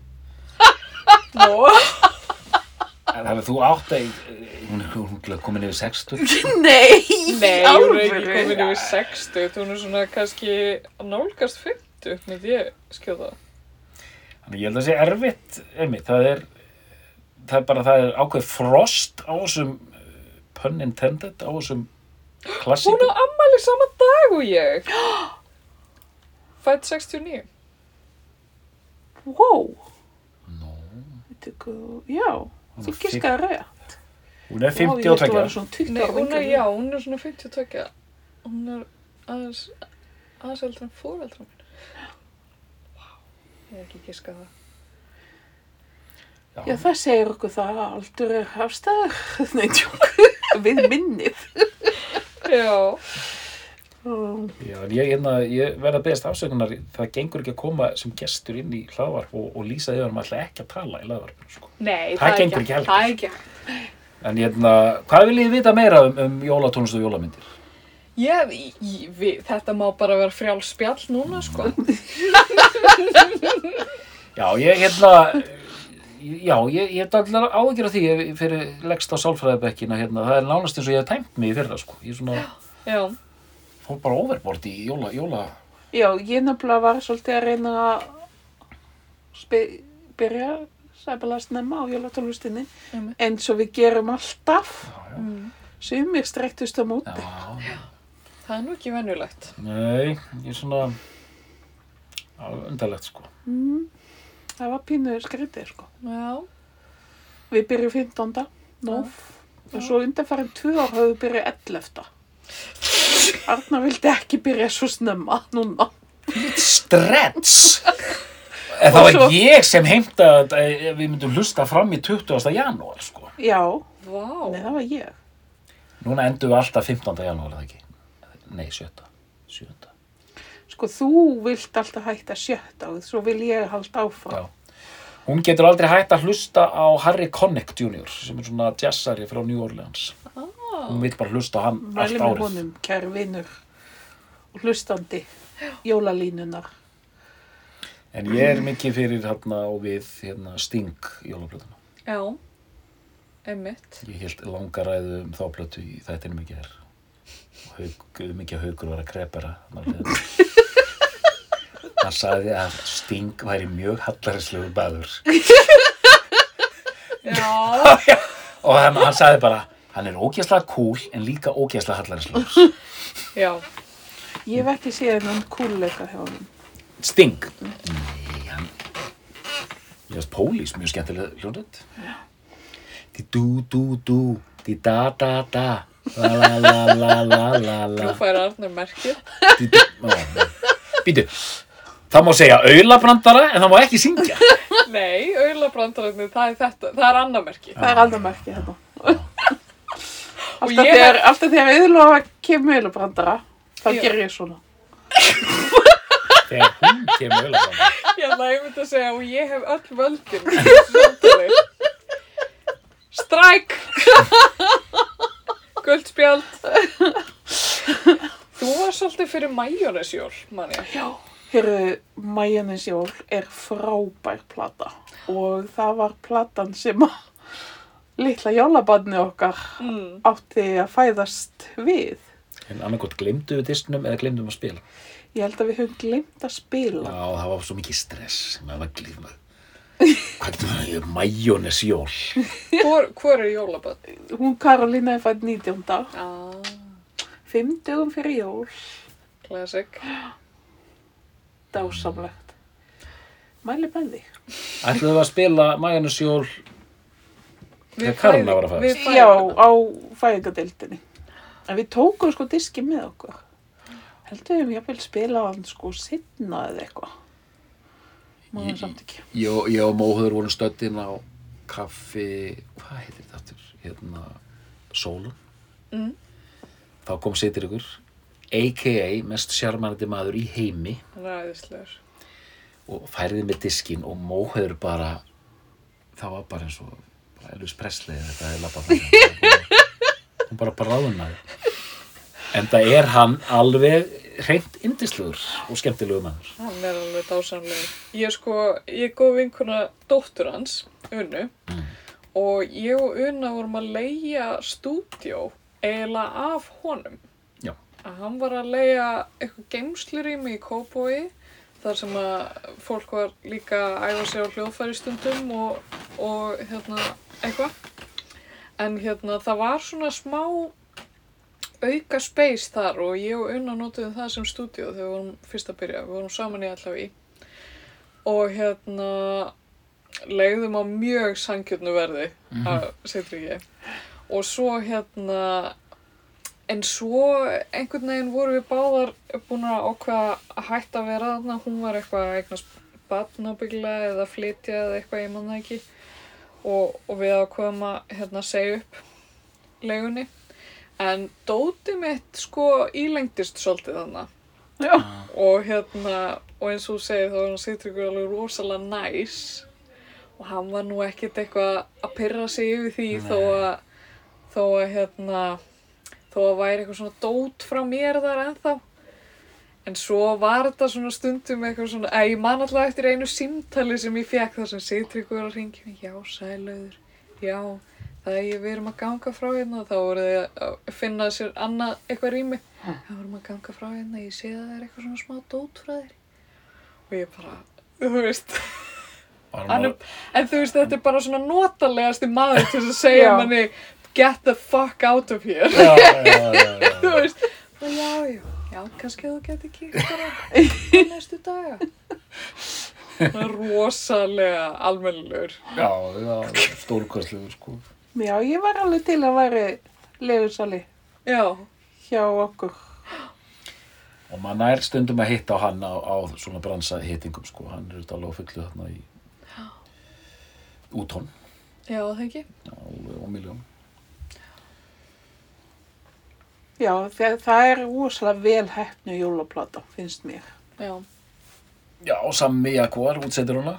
mhm Hún er bara, hann gerði tvær plötur bara með stuttum millibili með svona þessum súrealíska gáska einhvern veginn. Það er það sem Majónas Jól er einhvern veginn. Hún er svona, þú veist, hvernig getur maður líst, þú þekki, þekkir þessa plötu. Já, hún svona, já, það er svona pínu, ég ætla ekki að nota orðið off, hún er svona, já, skrítin skrítin. Hún er samt í ágætti spilun, held ég. Já, bara í almenni spil. Já, Það er, bara, það er eitthvað svona smekklus og cool dæmi í, í, í gangi þarna, sko, Já, sem, sem gerir þarna dálítið, sko. já, emmitt. Um, já, það, það fyndi líka áður en ég heyrði þessa plötu það hafði ég svo sem aldrei tengt það að snjór og majónes væru eins og litin Hugsið þið um þetta? aldrei. Ég hef ekki tengt þetta, sko. Nei. nei. Ég hef ekki spáðið því, nei. Nei, ég hef bara spáðið alls ekki En, en hann, no, ég held að Majónas Jól, þetta er, lægið upprunalega heitir eitthvað Marshmallow World. Já. Já, já. Já, Já, já, já. Og sem Ok. tekur hann svona íslenskt vingil, eða ekki? Svona, já, og, og síðan kemur hún að ræði ég. Ég man þegar Siggi frændi var að bóla það súpu og hann var alveg steinlóð bara með, með andliti í súpudiskina. Hann var búin að borða svo mikið. En, Já, það, það er þetta, ég kemst, ég kemst kannski í smá jólaskap oft á tíðum því ég heyri í fréttum. Mm. Það kemur alltaf í fréttum. Mm. Rétt eftir jólaháttíðnar, bara já, það voru 130 mann sem leitu til bráðamótöku vegna. Já, vegna ofáts eða þú veist að því það er svo mikil saltur í íslensku jólamat já, og þetta fer svo illa og ég veit að afi minn var að hjartveikur mm. og hann elskaði allt þetta, þú veist, Mm. já. hérna, hvað heitir þetta, hongikjöt, þetta bara, hann, hann lifði fyrir þennan mat og hann bara dyrkaði þetta og hann mátti náttúrulega ekki borða svo mikið af þessu. Ó, En Mér þetta, já, Mér finnst maður einmitt alltaf lenda út í skurði um jólin, svona mm. mataræðislega séð. Mhm. Ég gerir það að minnstu fórstu. mhm. En þú? Já, algjörlega. En maður hefur líka ekkert val um það, því að svo er maður að fara í, Já. þú veist, 5-6 jólabóð einhver og það er bara sama á bóðstólnum og það er, þú veist, jólin eru tíminn þar sem maður borða þennan mat og maður svo sem færi þetta ekkert á öðrum tímum ársins. Þannig, þú Það er veist, réttlætingin. já, já, En sem getur maður einhvern veginn ekki stoppað sér, sko. nei, Herri, ég náði góðum árangri í dag. nú, Jólatengt. Það er hérna... Það er alltaf talandi um hefðir að það er eh, núna verkefni sem stendur alltaf frammi fyrir á þessu heimili hérna sem þarf að leysa. Það er reyndirið. reyndirið. Það er reyndirið sko. Reyndirið kjötið. Reyndirið kjötið sko. emmitt. Ég held að þú var að tala um eitthvað svona jólaskraut. Svona stórt ljóshreindir Já. sem við þurftum að koma upp í garðinum. Nei, nei, nei, nei, svona, Við munum gera það einhvern tíma. það, sko, það er, núna er það orðið pappi minn, heitinn, hann kom alltaf með reyndir hand okkur. Við vorum vön því að hann kom hérna með, hérna, kíló af, af, af nóa konfetti og reyndir. Og hérna, ég vissi ekki einu sinni hvað það var þungt eða neitt, maður var svo dekstraður hvað það var þar. En núna erum við bara, hérna, free agents, ég og móhauður, leita reyndir og þetta er bara eins og að, hérna, leita náli heistaki sko og verðið upp úr öllu valdi og hérna þannig að þú veist, rosalega við fórum til Grænlands og keftum hann þrjú kíló af Hverju? Já, já, já. Nei, ég var að tala um, ég, er- ég, þegar við fórum til Grænlands hérna bara í heimsókn? Manstu ekki að því móður? Jú. Alltjæmt, ég hérna sérst veslaði, uh, bara í dag var ég að vesla hindrakjöld, má ég ekki segja frá því? Jú, Ég veit það ekki. Má það? jú, e- ef þú gerði það með löglegum leiðum. Já, ég meina þetta er, þetta er innpakka og, Já, já, ok. og limmið vara og alla græði. Já, ok. Ok, komdu Ok. með það. Og bara, hérna, Frosið, væntanlega. frúsið já, og, og, og en, en, en, hérna, úr, úr okkar heimasveit móður. Mývas. Já. Heimasveit. Næs. Og bara, hérna, í, í, í gegnum svona maður þekki mannleiðir en einmitt kannski er ég að ljóstra upp svona leyndamálum, sko. Ég var bara svo kátur. Það var náðu þessu. Já, sem sagt fyrir reyndir eftirlitið þá hefur ekkert mísjátt farið hér fram. Alveg potið ekki. Nei, En það er svona... tengist Grænlandi á nokkurn nátt. og bara dásalegt hérna, móheður býr hérna, mat býr alltaf hrindir hver jól og það er alltaf mjög gott sko. Indislegt Já, og Arnar býr til fórréttin. Já, og hvað er í forrétt? Heyrðu, það er Humusúpa. nei, það Nei, er hérna rækjukóttel Ó, alveg Klassík. hóttaldi vel. Hann, þetta er besti bara appetizer sem hægt er að fá sko. Já, hann er, er er sjúklega góður. fer einhvern veginn alltaf stað sko. Mhm. og sí- síðan er það er í Salamanders Já. Það er Petrin Rós sem sér það. Ok. Þann part, sko. Mm En sko, nú erum við búin að tala um jólaplötur og, og jólakaukumir. Hvað með jólatónleika? Já, þeir eru, það er mikið verið að fara á jólatónleika. Farið þið á jólatónleika? Móheiður, kannski þú? Já, sko, við höfum farið núna nokkur árið á Eifuru. Ok. að því að hún er sérdelis mikil vinkuna okkar aðalega Arnar samt og hérna já, og hún býður okkur á jólutónleikana Ok, nice. til sín svo hefur þú, Arnar, hefur nú farið á þú tókst ekkert sem að stelpunar á MC Gauta held mínu Já, já, já. Það var skemmtilegt. já, Ég hef aldrei farið á bakalút, sko. Nei, það, það er kannski Einhvern maður fóru á Frostrósa tónleika. gerðum við það? Já, það var bara, þú verið full. já. það var verið, Það lífa hérna, það af það var eitthvað að vera að dæma það eitthvað, sko. já, já. En býtu frostrósir, fór það ekki bara eitthvað á? Það bara að... Ég skil ekki hvernig þeir fóru að því að setja það á hausinn, sko. Það virtist vera svo potið að hérna konsept, sko. já. En það var eitthvað bakalútur algjörlega bara tók þetta, sko. Já. Bara átján tónleikar í desember, sko. Og erum við núna Það að halda tónleika í þessum aðstæðum öllum? Ég held að sé að halda bara slattaða tónleikum, sko. Ok. Og bara fullt af fólki að halda jólatónleika. Já. En mér finnst þetta svo fyndið sko því að fyrir einhverjum x mörgum árum þá voru jóleitónleikar ekki neitt dæmi. Svo kom Frostrósir örgulega fyrst. Já. Get ég ímynda mér, Mm. veit það samt ekki. Arnar? Ég, ég man, jú, það var og bó, auðvitað, jólakjasti Björguns. Mm. Já, ok, það, það var svona cirka Já. fyrst. Og svo núna er bara hérna, bara já, hérna Benni Pípari er hérna með jólatónleika í, í hérna hátegskirkju. Já, þetta er alveg fálalegt, sko. En hérna tónlistagagrínundir í þér, hvað finnst þér um bakalút? Jóla, bakalút. Sko, Bob, bob, bob. op, op, op, sko, Uppljóstrani. er þetta... Er þetta viðkvæmt mál? Nei, nei, al, al, alls ekki. Er, er þetta um tónleikana eða tónlistina? Tónlistina og kannski þú takir einn vinkil sem er tónlistagagrínundin í þér Mhm. og svo personan þú. Já, ég skil. Sko, já, já, já, hérna, það er ekkert mál. Hérna, sko, þeir hafa náð, þeir, þeir eru eiginlega eins og brunaliðið eða brimkló á, á áttundarátögnum. Svona stórt batteri sem, sko, er fyrir bólinn, Mm en líka einhvern veginn, það er alveg, það er, mér finnst, ég, nú er ég kannski orðin á svo gammal, mér finnst að sæmileg sátt um bakalút. Já, M- Er það hjá ykkar fólki líka sko, mín Bara svona upp á öxlum, Eh, mín kynslu er ekki mikið að velta fyrir sig Nei. kannski bakalút. en þetta er bara, Mér finnst þetta ekkert sérstakt. nei, en þetta er bara einhvers staðar, Já, þetta og fer ekkert mikið í töðunar þér. Nei, ekki þannig, en mér finnst samt svona, kannski miðaldra fólk tala full mikið um Já. þetta.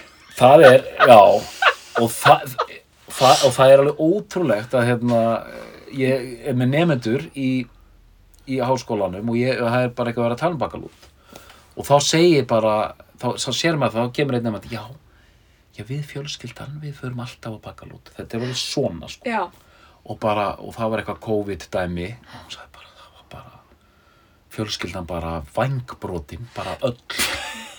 Af því það var að vera að leysa upp hérna Ó, jól, nei. jólahefðina og það var bara panik. Og hún sagði bara, "Og við erum vön að fara, skiluru, tíu saman eða eitthvað álega.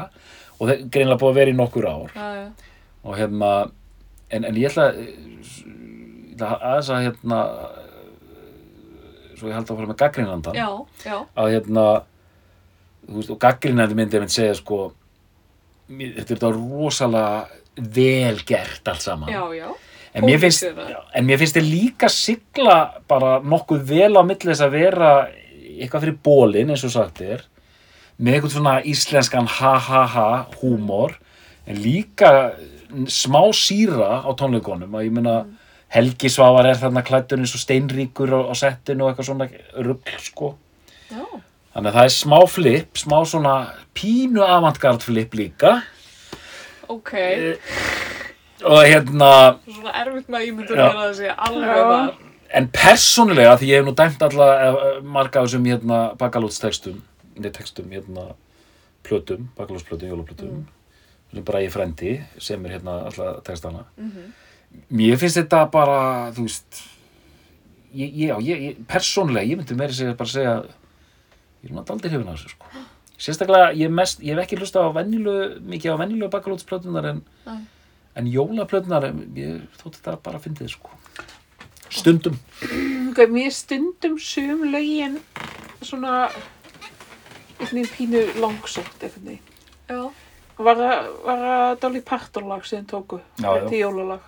Hvað lag var það aftur? Býttu hvað alveg. já, já, Jólín, já, þeir taka hérna Islands in a Stream ha. Islands in a Stream og það var bara eitthvað komdu með jólastekina komdu með smjöri og asmasinn já, jólin eru hér það var svona oh my god Já. Já, ég, þú veist, ég veist þetta ganga aðeins of langt í, Set, settur Run to the Hills í jóla já, í þessu, sko.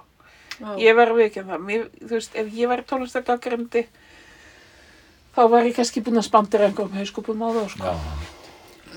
og hefðu, að hans ég bræði sér frendi, en eru þið mjög náskildir? heldur að það hefði fengið heiðisvölun fyrir hauskupuna? Nei, líka stil ekki.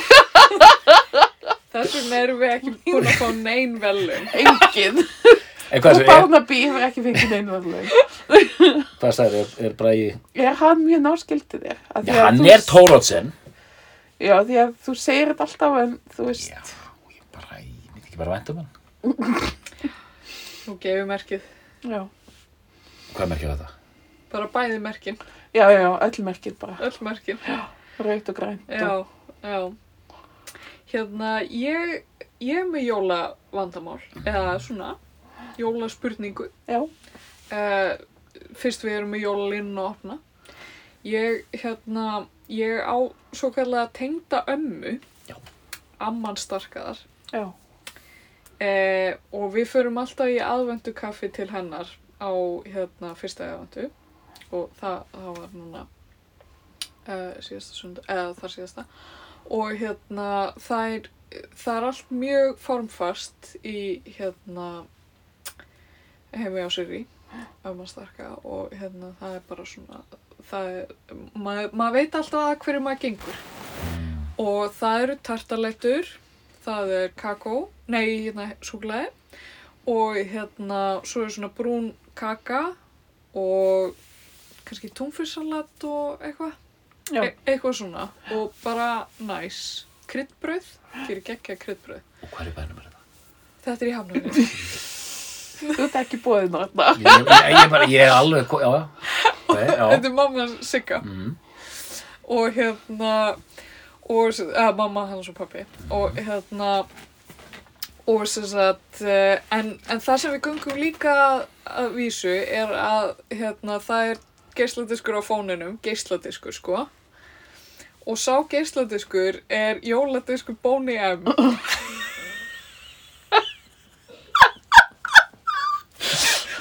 Sem er svakalegt meistaraverk. Mary Porch Jesus Christ. On Christmas Day. Wow. Og er hann að rúlla Og þetta spilað? Þetta bara rúlar Alltaf. bara alltaf allt, allt bara allt bóðið Síðastlegin 20-30 ár. Já, ég gerir það fyrir því og, og hérna og stundum segir sér í okkur frá því að Sara, hérna konan og hennu, hún gaf sko henni þennan disk þannig að þetta er svona eitthvað sér eftir því í dag. sentimental value bara eitthvað, já Sara, ég man nú alltaf þegar að þú gafst mér þennan disk í jólagjöf. Eða eitthvað svona. Og mér finnst þetta bara rosa sæt saga en mér finnst þetta svolítið leiðilegu disk Já, þetta er, eiginlega alveg fellegur ég hef aldrei komist inn í þetta, manni finnst þetta dálítið klient, sko. kannski kemur þetta inn einhvern tíman aftur sko tísku, en allavega sem sagt, eh, jólaspurningin er svo svo, uh, hérna að ég er að byggja upp að henni. Og svo hérna svo endar Boney M diskurinn þannig að þegar við erum hjá þeim og hérna og Siri byggði Starka um að setja, setja eitthvað svona næsta disk á. Og Starki fer þarna í geisladiska úrvalið og hérna og uh, kemst að því að það eru bara til þrýr jóladiskar Já. á þessu heimili og einn af þeim er þessi Boney M Christmas Hætti ekki. Ó, sorry.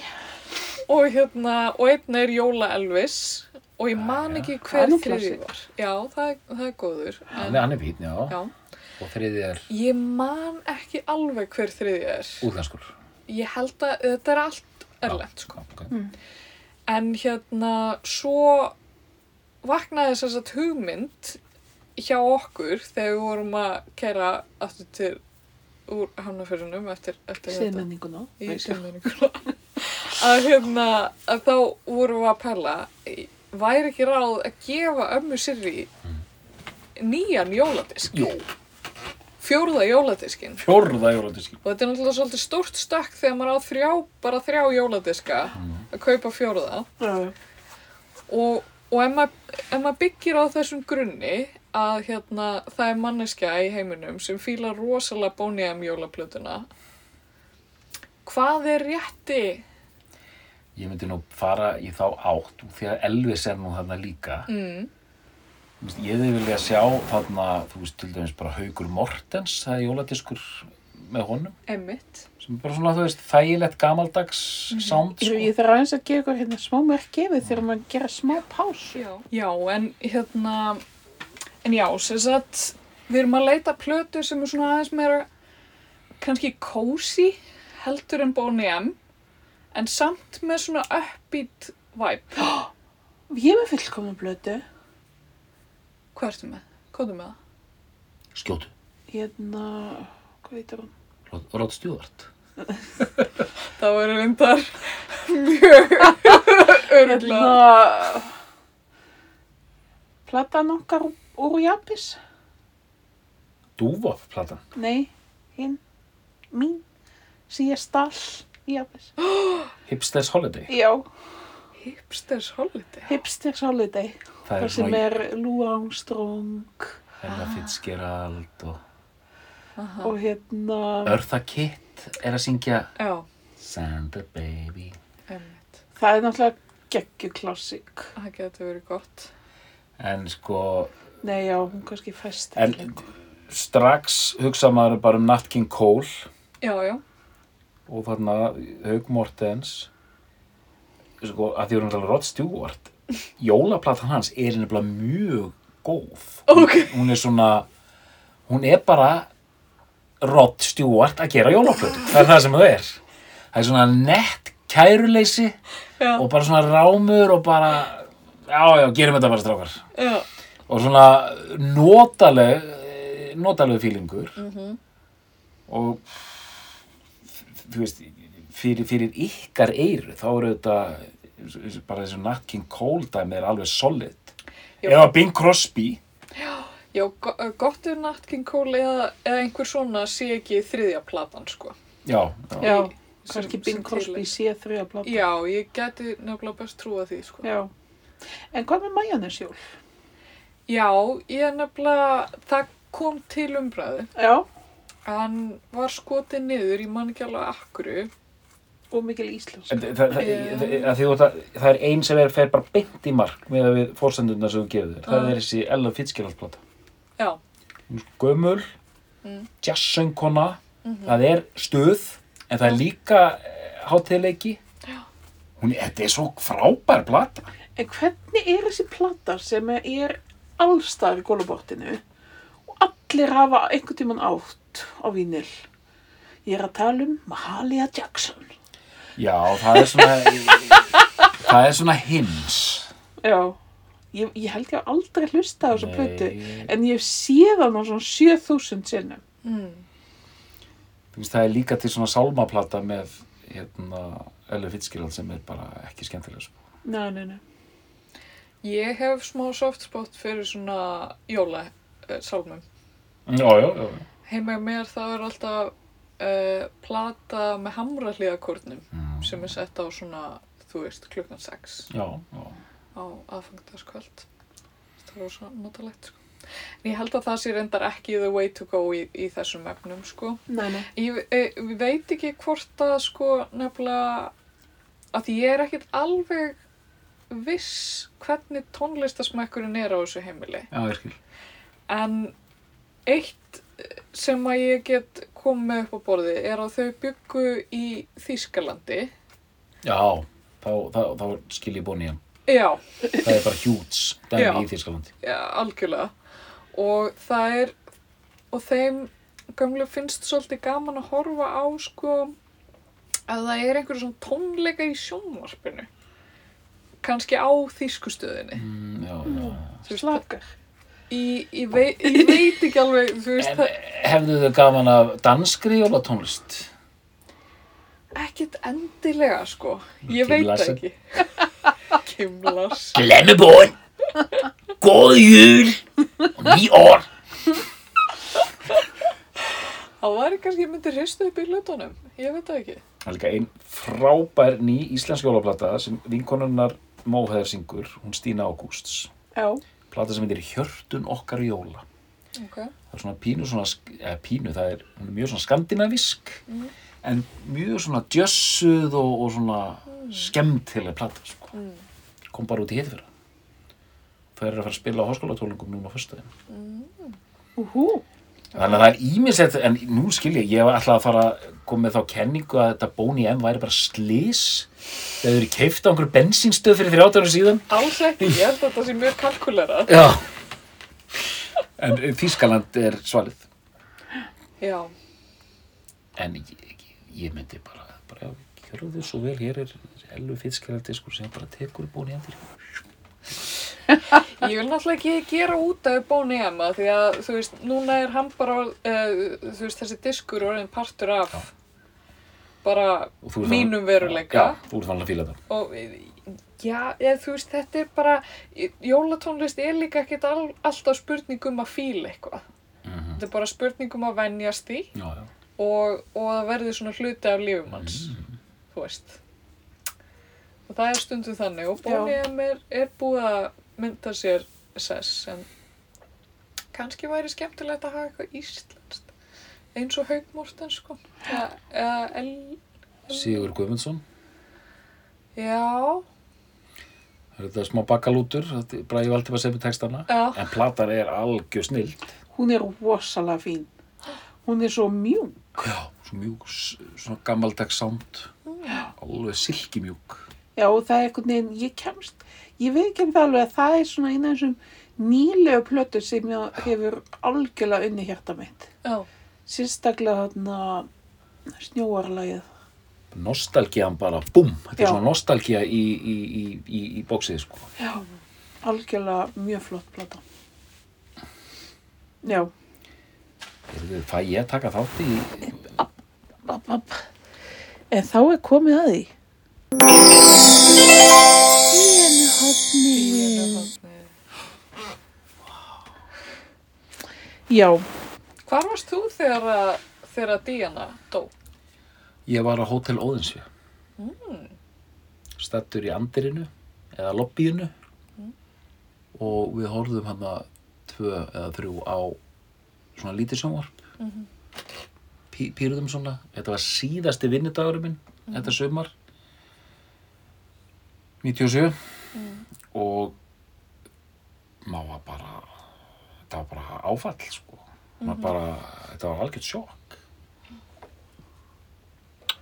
já, en það eru ekki góða fréttir að- sem ég hef að færa úr heimi konusjölskyldunar. Ok. Já! Sko, það er Harry og Meghan. Já, enn og aftur. Það er eilíft vesen á, á þeim skötuhjóum Ok. og Hvað nú? Sko, í fyrsta lagi, hann Charles Mm. hefur ekki hitt barnabarni sitt. Hann er Lilibet, sem er sex mánu. Vá. Og það er eitthvað mjög styrt hann á milli sambandið, Mhm. milli Harry og pappa síns. Mhm. Og ef þú veist það segja mér aðna þessir ótrúlega virtu fjölmiðlar sem fjallaðum konusvölskilduna Já. Að þetta sé bara allt í hers höndum hana, hjá fjölskyldunni. Hvað er sorglegt? Og þetta er pínu sorglegt, já, af því að það er bara veist alltaf að koma í nút í þessum samskiptum Já. og þú veist eins og við höfum kannski oft talað um að allir hafa skoðun á þessu. Mhm. Allir hafa skoðun Við þar á meðal. og já, og þú veist, allir eru að kommenta, þú Mhm. veist, og sumir eru að kenna Harry um, sumir eru að kenna Megan um, sumir eru að kenna Kalla um, Mm. eru að segja, bara getið látið 95 ára um ykkar vera, Mhm. þú veist, Já, vá. þú veist, það verður bara að segjast, Elisabeth er primus motor í þessari fjölskyldu Mhm. og það er ekkert hægt að sleppa henni við þó hún sé orðin gömul. Nei. Hún getur ekkert, hún getur ekkert sloppið við það að bera ábyrð á svona ýmsu sem hún hefur gert. Mm. Hvernig er sambandi milli Vilhjáms og Harry? Já, svo er það, fólk er endalust að velta sér upp úr því. Það er mikið verið að lesa í body language og svona. Mm, mm. milli þeirra. Hann kom náttúrulega, Harry kom til Bretlands til að vera við jarðaföruna Já, ég, ég sá það. og þá voru þeir að tala saman, sko. Já, ég tók eftir því. Já. Megan kom ekki út af hún var bara Ólétt. mjög ólétt. Uh, en þeir voru eitthvað að tala saman og virtist vera á vinkjarlegum nótum, Nákvæmlega. segja hæstvirtir fjölmiðlar, Já, já. Og við sáum þetta. ef við sáum þetta. Svo kom Harry aftur þegar stittan fræga, sem við höfum nú fjallað um, Díunustittan, var þess að opinberuð. já, En þá kuð hann ekki hafa talað við föðu sinn, Nei. við það tækifæri. Og það var í síðast í júli sem hann fór til Bretlands. vá, Mér finnst það besta við þetta var þegar ég, ég sá þetta við að hafa sagt við, við Harry What's your um, What's your um, What's the state between you and uh, William? Og þá sagði hann Space einmitt. Býttu, var það ekki ópröfuð talinu? Jú, jú, jú Fræga. Svo, svo geggja að svara bara Space En þú veist, hann var rosalega merkir þó að Harry er málaði sem svona wild child Já, en hann er, kann þetta allt líka já, en já, etikettið já, já. En já, ég, ég verð bara að segja alveg svo er að mér finnst að það sé alveg eitt í stöðunni. Já. Það er fjölskyldur ágjöf. já. En- Og ætlum við að aðstofa þig? Já, þú veist, við höfum alla forsendur til þess. Við erum hérna með sófa. Við erum með bjór, Já, pipakökur. Og en það er alveg ljóst að þau þurfa að setjast niður og tala saman. Já. En ég meina kannski hann er búin að sjá barnið í gennum Skype. Já, sko, samkvæmt fjölmiðlum þá á Kalli að hafa sagt eitthvað um mögulegan húðlit barsins, Já, ég man eftir þessu. Archie. Og það er verið að sprengja það upp í alls konar greinum. Já. Ég held að það sé nú eitthvað svona uppspreng. Já. En svo fannst mér líka skemmtilegt núna nýlega að það var verið að gefa út einhverja bók, einhver, ég veit ekki bara einu sinni hver var að gera það. En það sem var verið að tala um að síðasta hálmstráið uh, í samskiptum Harry og Meghan við konusfjölskylduna hefði verið að í nýjárs ávarpi drottningarinnar hafi drottningin sko ekki haft mynd af þeim fyrir aftan sig. Já. Gó- Bara einhver svona symbolismi. Já, hugsaðu ykkur pólitíkina. Já, en þetta, eins og við tölum um síðast reynda líka, Mm. þetta er mjög hefbundið röfrildis dæmi hjá Já, við fjölskyld. töluðum um þetta síðast. Þetta, þetta er eitthvað sem fólk rífst um. Bara, já, ok, ég sé þú mynd af syninum hérna, mamma. Hvað er mynd af dóttuðinni? Ég hef sagt þessa setningu. Þú veist, þú veist, hérna er hérna life size plakkat af litla bröðminni. Hvað með mig? En hann er erfingi krúnunar, mánuður, skilur við það ekki? Þannig að þú veist, ég, ég, skil, ég skil þetta allt saman mjög vel og þar fyrir utan, þá held ég að við eða einhver, jafnvel, fjölskyldur ágæði sig jafnvel með próf í slíku, gæti aðstofa þau Já, í þessu, að því mér finnst, mér finnst þetta ekki, þetta er ekki gott. en hugsi, hugsið ykkur samt líka því að nú hafa margir reynslu og, og hérna, og já, ég hef reynslu náttúrulega af, þú veist, svakalegum fjölskyldu samskiptum og rugli. Eh, en hérna, en eh, þú veist, hugsa sér að fara í gegnum allt þetta svona fyrir framan alla. Já. Getið þið ímyndað eitthvað það? Af Því að þú veist, það er alveg nóg að þurfa að díla við svona bara heima á sér. ég, ég, mynd, ég get ekki ímyndað mér það, sko. En að því að þið eru sérfræðingar, er svipað rugl í gangi í Nóri, Danmörku, Östuríki? ekki, sko. Nei, nei. Eða þú veist, það er alveg eitthvað svona létt í gangi, þau skildu það neitt tímann. Dönsku eitthvað. Já, það var smá stuð þar. Það var eitthvað, hann var eitthvað ægilur djammari þarna, prinsinn danski. En ég held samt líka, þú veist, eins og í Danmörku og svona, eiga þau svona marga kastala og eru þau svona rosalega velmegandi eins og, En eru er, það. en eru er þetta, öll Evrópa, þetta er bara eitt stórt já, Þessar konungsfjölskyldur. Já, þetta er allt Habsburgarættin. Já, já, Já. þetta er alls, En þetta er það sem er rosalega. kannski, ég var að lesa grein á Guardian um daginn, þar sem að, að því að Netflix er alltaf að gefa út svona myndir sem gerast í einhver svona ímyndum evróskum löndum. Já, Já. já, já. Þannig að Belgravia og.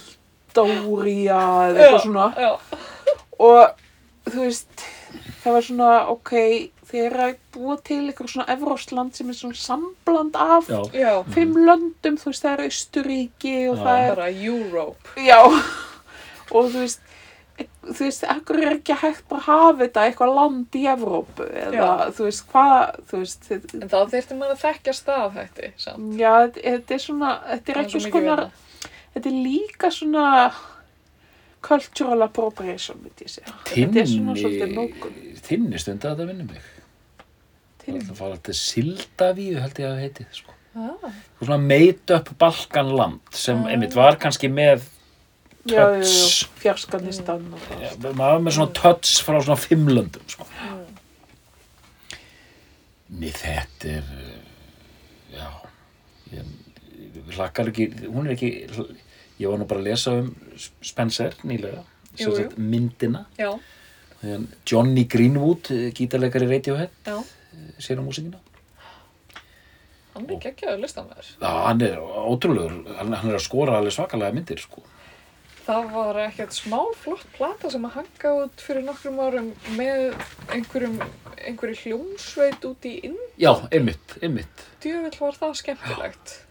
Hann er, hann er mjög klár. Enda úr hérna engaskóla í Oxford skýri.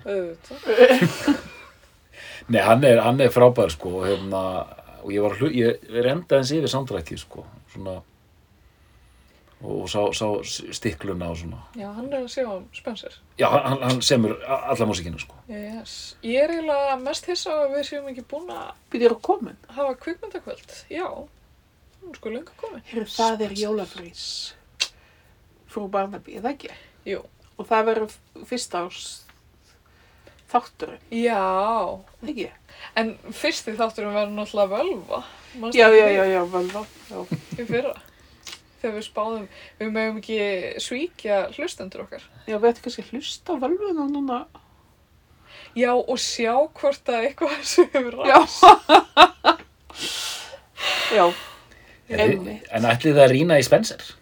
alveg, algjörlega. Absolutt. Já. Við verðum að gera Það það. fyrir alveg heill þáttur í það, sko. Já, þetta er það sem þjóðin vil Já. okkur. Já, Sko. það er, ég veit að harðir aðdándur frú Barnaby býða spendir. Já, En sko, svo fyrir ekki alveg frá Ari strax. nei. Hvað finnst þér um þetta flókna hérna föðursamband Harrys og Charles? Hvernig lest þú í þetta? Sko, það er svo merkið þess, ég hef alltaf fílað strákana, Harry og William. Alltaf þótt þeir báðir flottir. Mm. Uh, ég hef bara lesið mig til um það að pappi Charles hafi verið mjög strangur Mm. og hann bara, Charles er, er uh, hálf lamaður eftir allt þetta Mm. og hérna, og ég held, maður getur rúglega bara sagt að fullum fetum að ég held að sambandi milli Charles og strákana sé bara styrt Mm.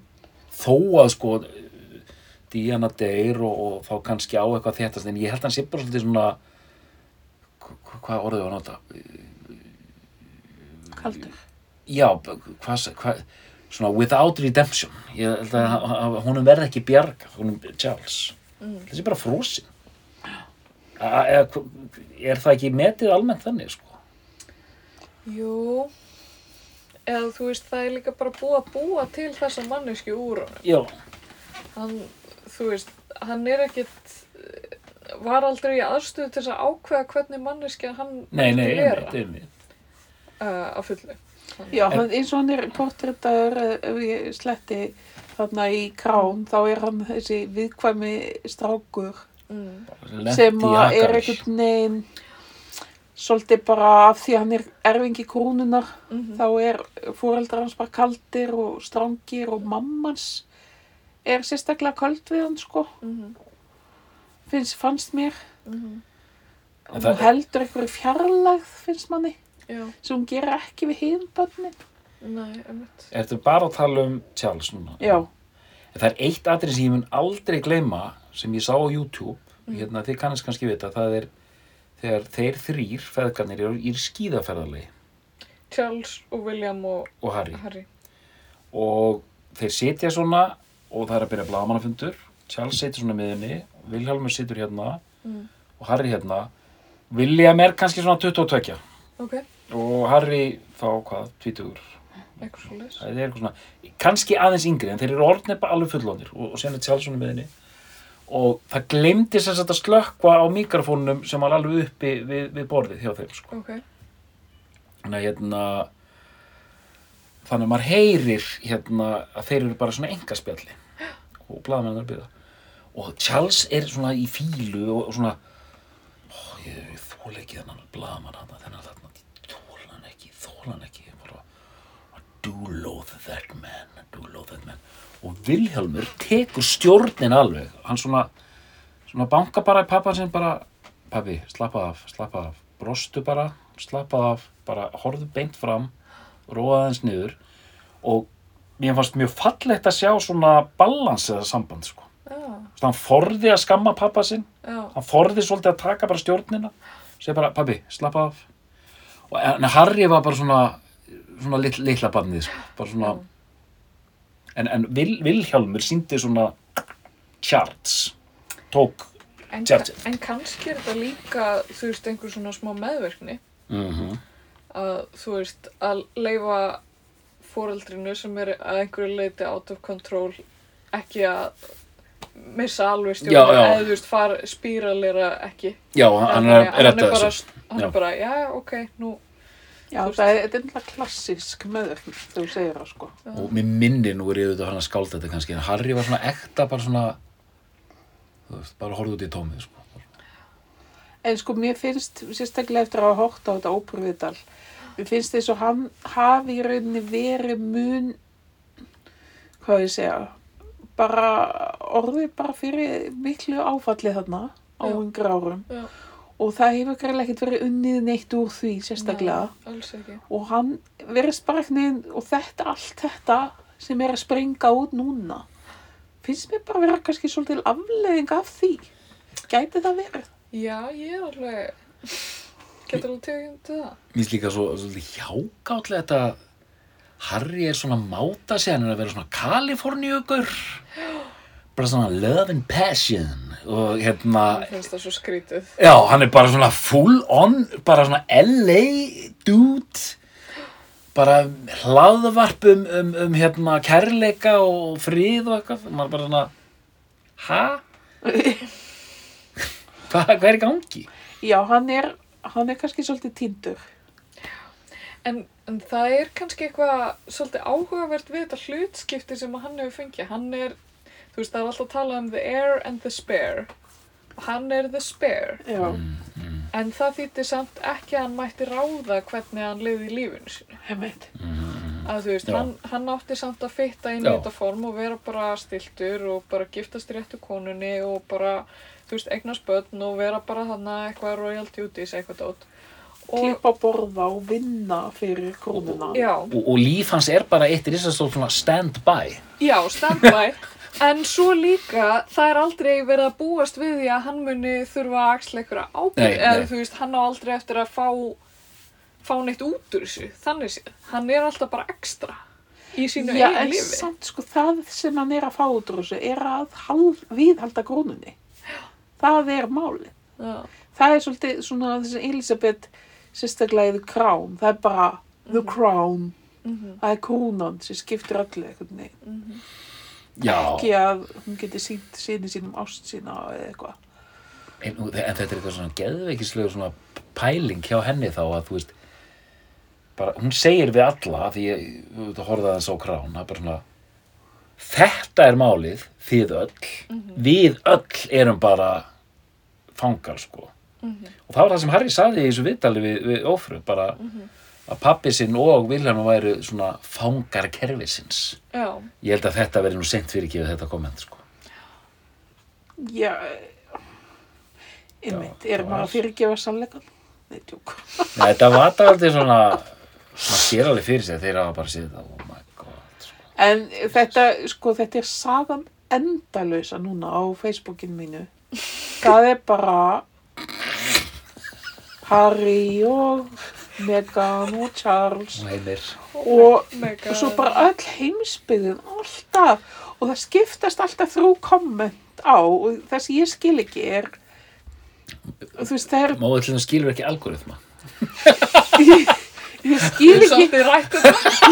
Já, það sem ég skil ekki er að það eru kannski 5,7k komment við einhverjum svona frétt Mm. ha, og það er, kom, það er eitt komment sem er svona pjúra kvennfyrirlitning Harry var nú ekkert í svona vesinni fyrir hann kynntist Megan Já, já. þetta er allt Megan að kenna svo er komment nummer tvö Já, nú meira hvað hann þráir aðtiklina hann Harry, ha?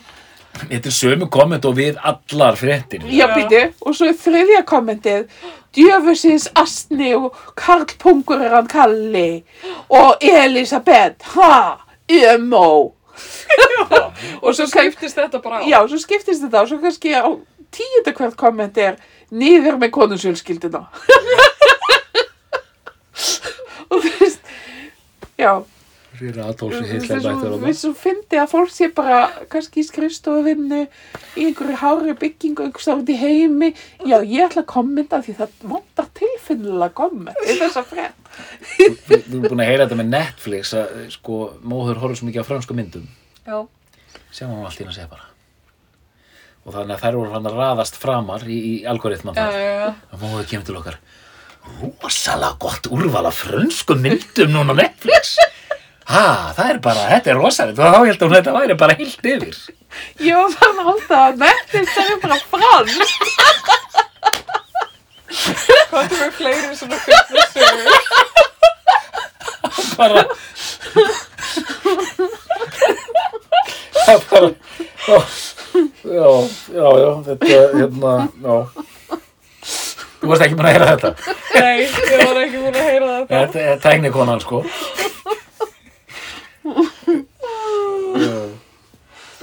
já, já, já En- við skulum nú ekkert... við skulum ekki vera að grafa neitt djúpt. Nei, Nei. í þessa hólu nei, já, ekki. Það var- það var nú eitt tæknikonu móment þarna um daginn sem við ætlum ekki að tala um. nei, ok. Þannig að það sem þú settir eitthvað sem átt að fara bara til mín fór í hópspjall. guð, ó guð. Jésús oh my móður Og Varst ekki búin að frétta? Þetta var big vandræðilegt. fail. Þetta, þetta var vandræðilegt. Þetta var mjög vandræðilegt já, en ekki, ekki disaster En ég sagði samt við, sem sagt, Lóu eftir á. já, það heitir Ég sagði eitthvað við hana, afsag því ég var að spjalla við hana, eina. Bara, já, hæ, þetta er ég, eitthvað því ég fór að hitta hana. Manstu áttræða netvinkuna þín? True. þetta er ekki hættu spil ég meina þú ert með þrjá fjóra glugga að opna Já, já.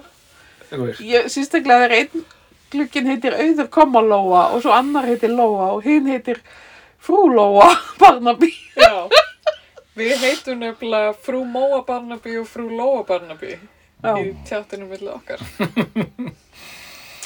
en já, svona er þetta bara. já, já, Frumskóður internetsins. Þetta er, þetta er alveg ótrúlegt þessi tækni í dag.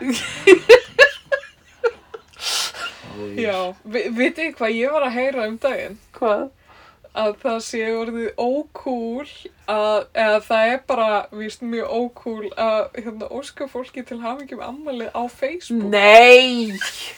Það er það sem ég er alltaf að gera. Hvernig getur það orðið ókúl? Það er bara ekki máli lengur. Á maður að gera það á Twitter þá? Ég veit það ekki. Instagram story, Personal personal message. Ok, ég er hægt að óska fólki til hafingi. Ég sendi nokkrum völdum vinum SMS. Á, SMS. Bara SMS. Ok. Bara til hafa mikið með ammali bjósið minn og bara sem er búin að vera vinur minn síðan við vorum fjara ára sko. Og hérna SMS er auðvitað persónulegra heldur en Já, sko og bein messenger skilabóð eru líka alveg sæmilega persónulega sko. já, það er, það, ég held að það sé bara í... En það er nýja, sem sagt. Eða þú veist, þú sendir ekkert eitthvað öllum til hamingjum Oh my það er bara... ok, það er það Já. sem ég elska við Facebook. Já, já. Já. Þannig ég er ekki fara að fá neitt margar. Ég, á, Ég- á náttúrulega bara cool vini. Ég veit ekki, nei, ætli þetta sé ekki meira yngri kynslu. Þetta var yngri manneski heldur en ég sem sagði mér þetta. Já, En, ok. en, en eitt hugsa, því að nú, all, nú er ég og móður búin að taka ákvörðum að senda engin og þú Nú ertu á jólalínunni. nú er Við ég getum hjálpað þér. Og, veist, og það er þetta að senda eitthvað í tölvupósti eða líka, en ég, þegar ég fæ jólakort í tölvupósti tölvupóstir er bara, þú vilt ekkert fá meiri tölvupóst en þú ert að fá Nei, það er satt. þú vilt, þér líður ekkert vel að fá fyrir tölvupóst, þú veist, tölvupóstir er bara Já.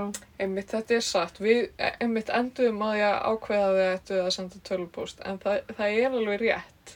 Það er ekkit gaman að fá Svona keðjupóstar einhverjir. en, en hitt, hitt, hitt er samt að ég nenni heldur ekki að senda jólakort það Nei. er bara rugl sko Nei, ef þú veist, minnst alltaf að gera það pásu í því. Við höfum gert það núna nokkur mörg ár.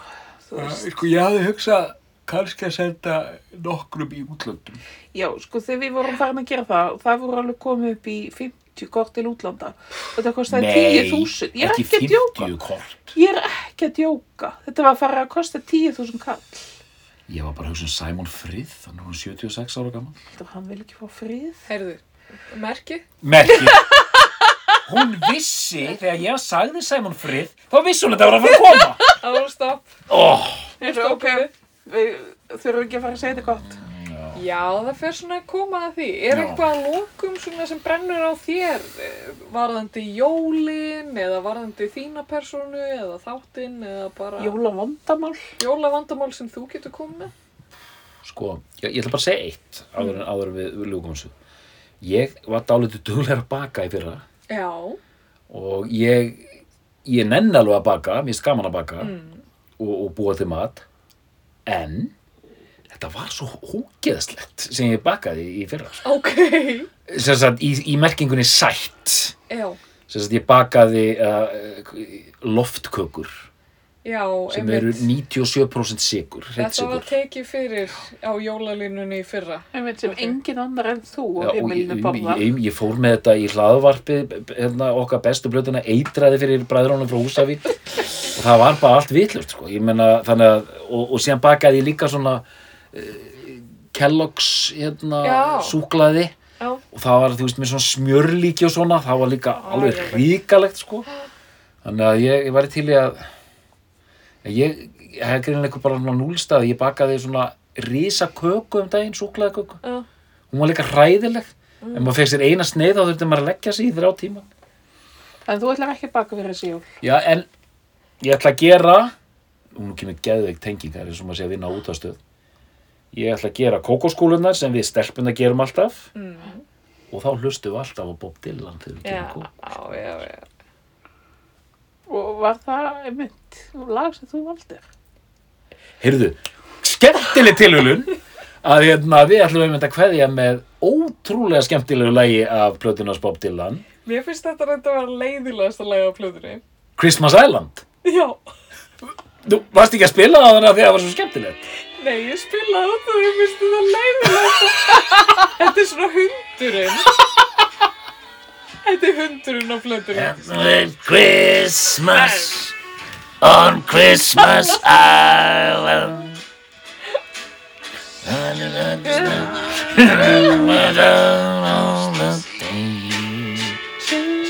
How'd you like to spend Christmas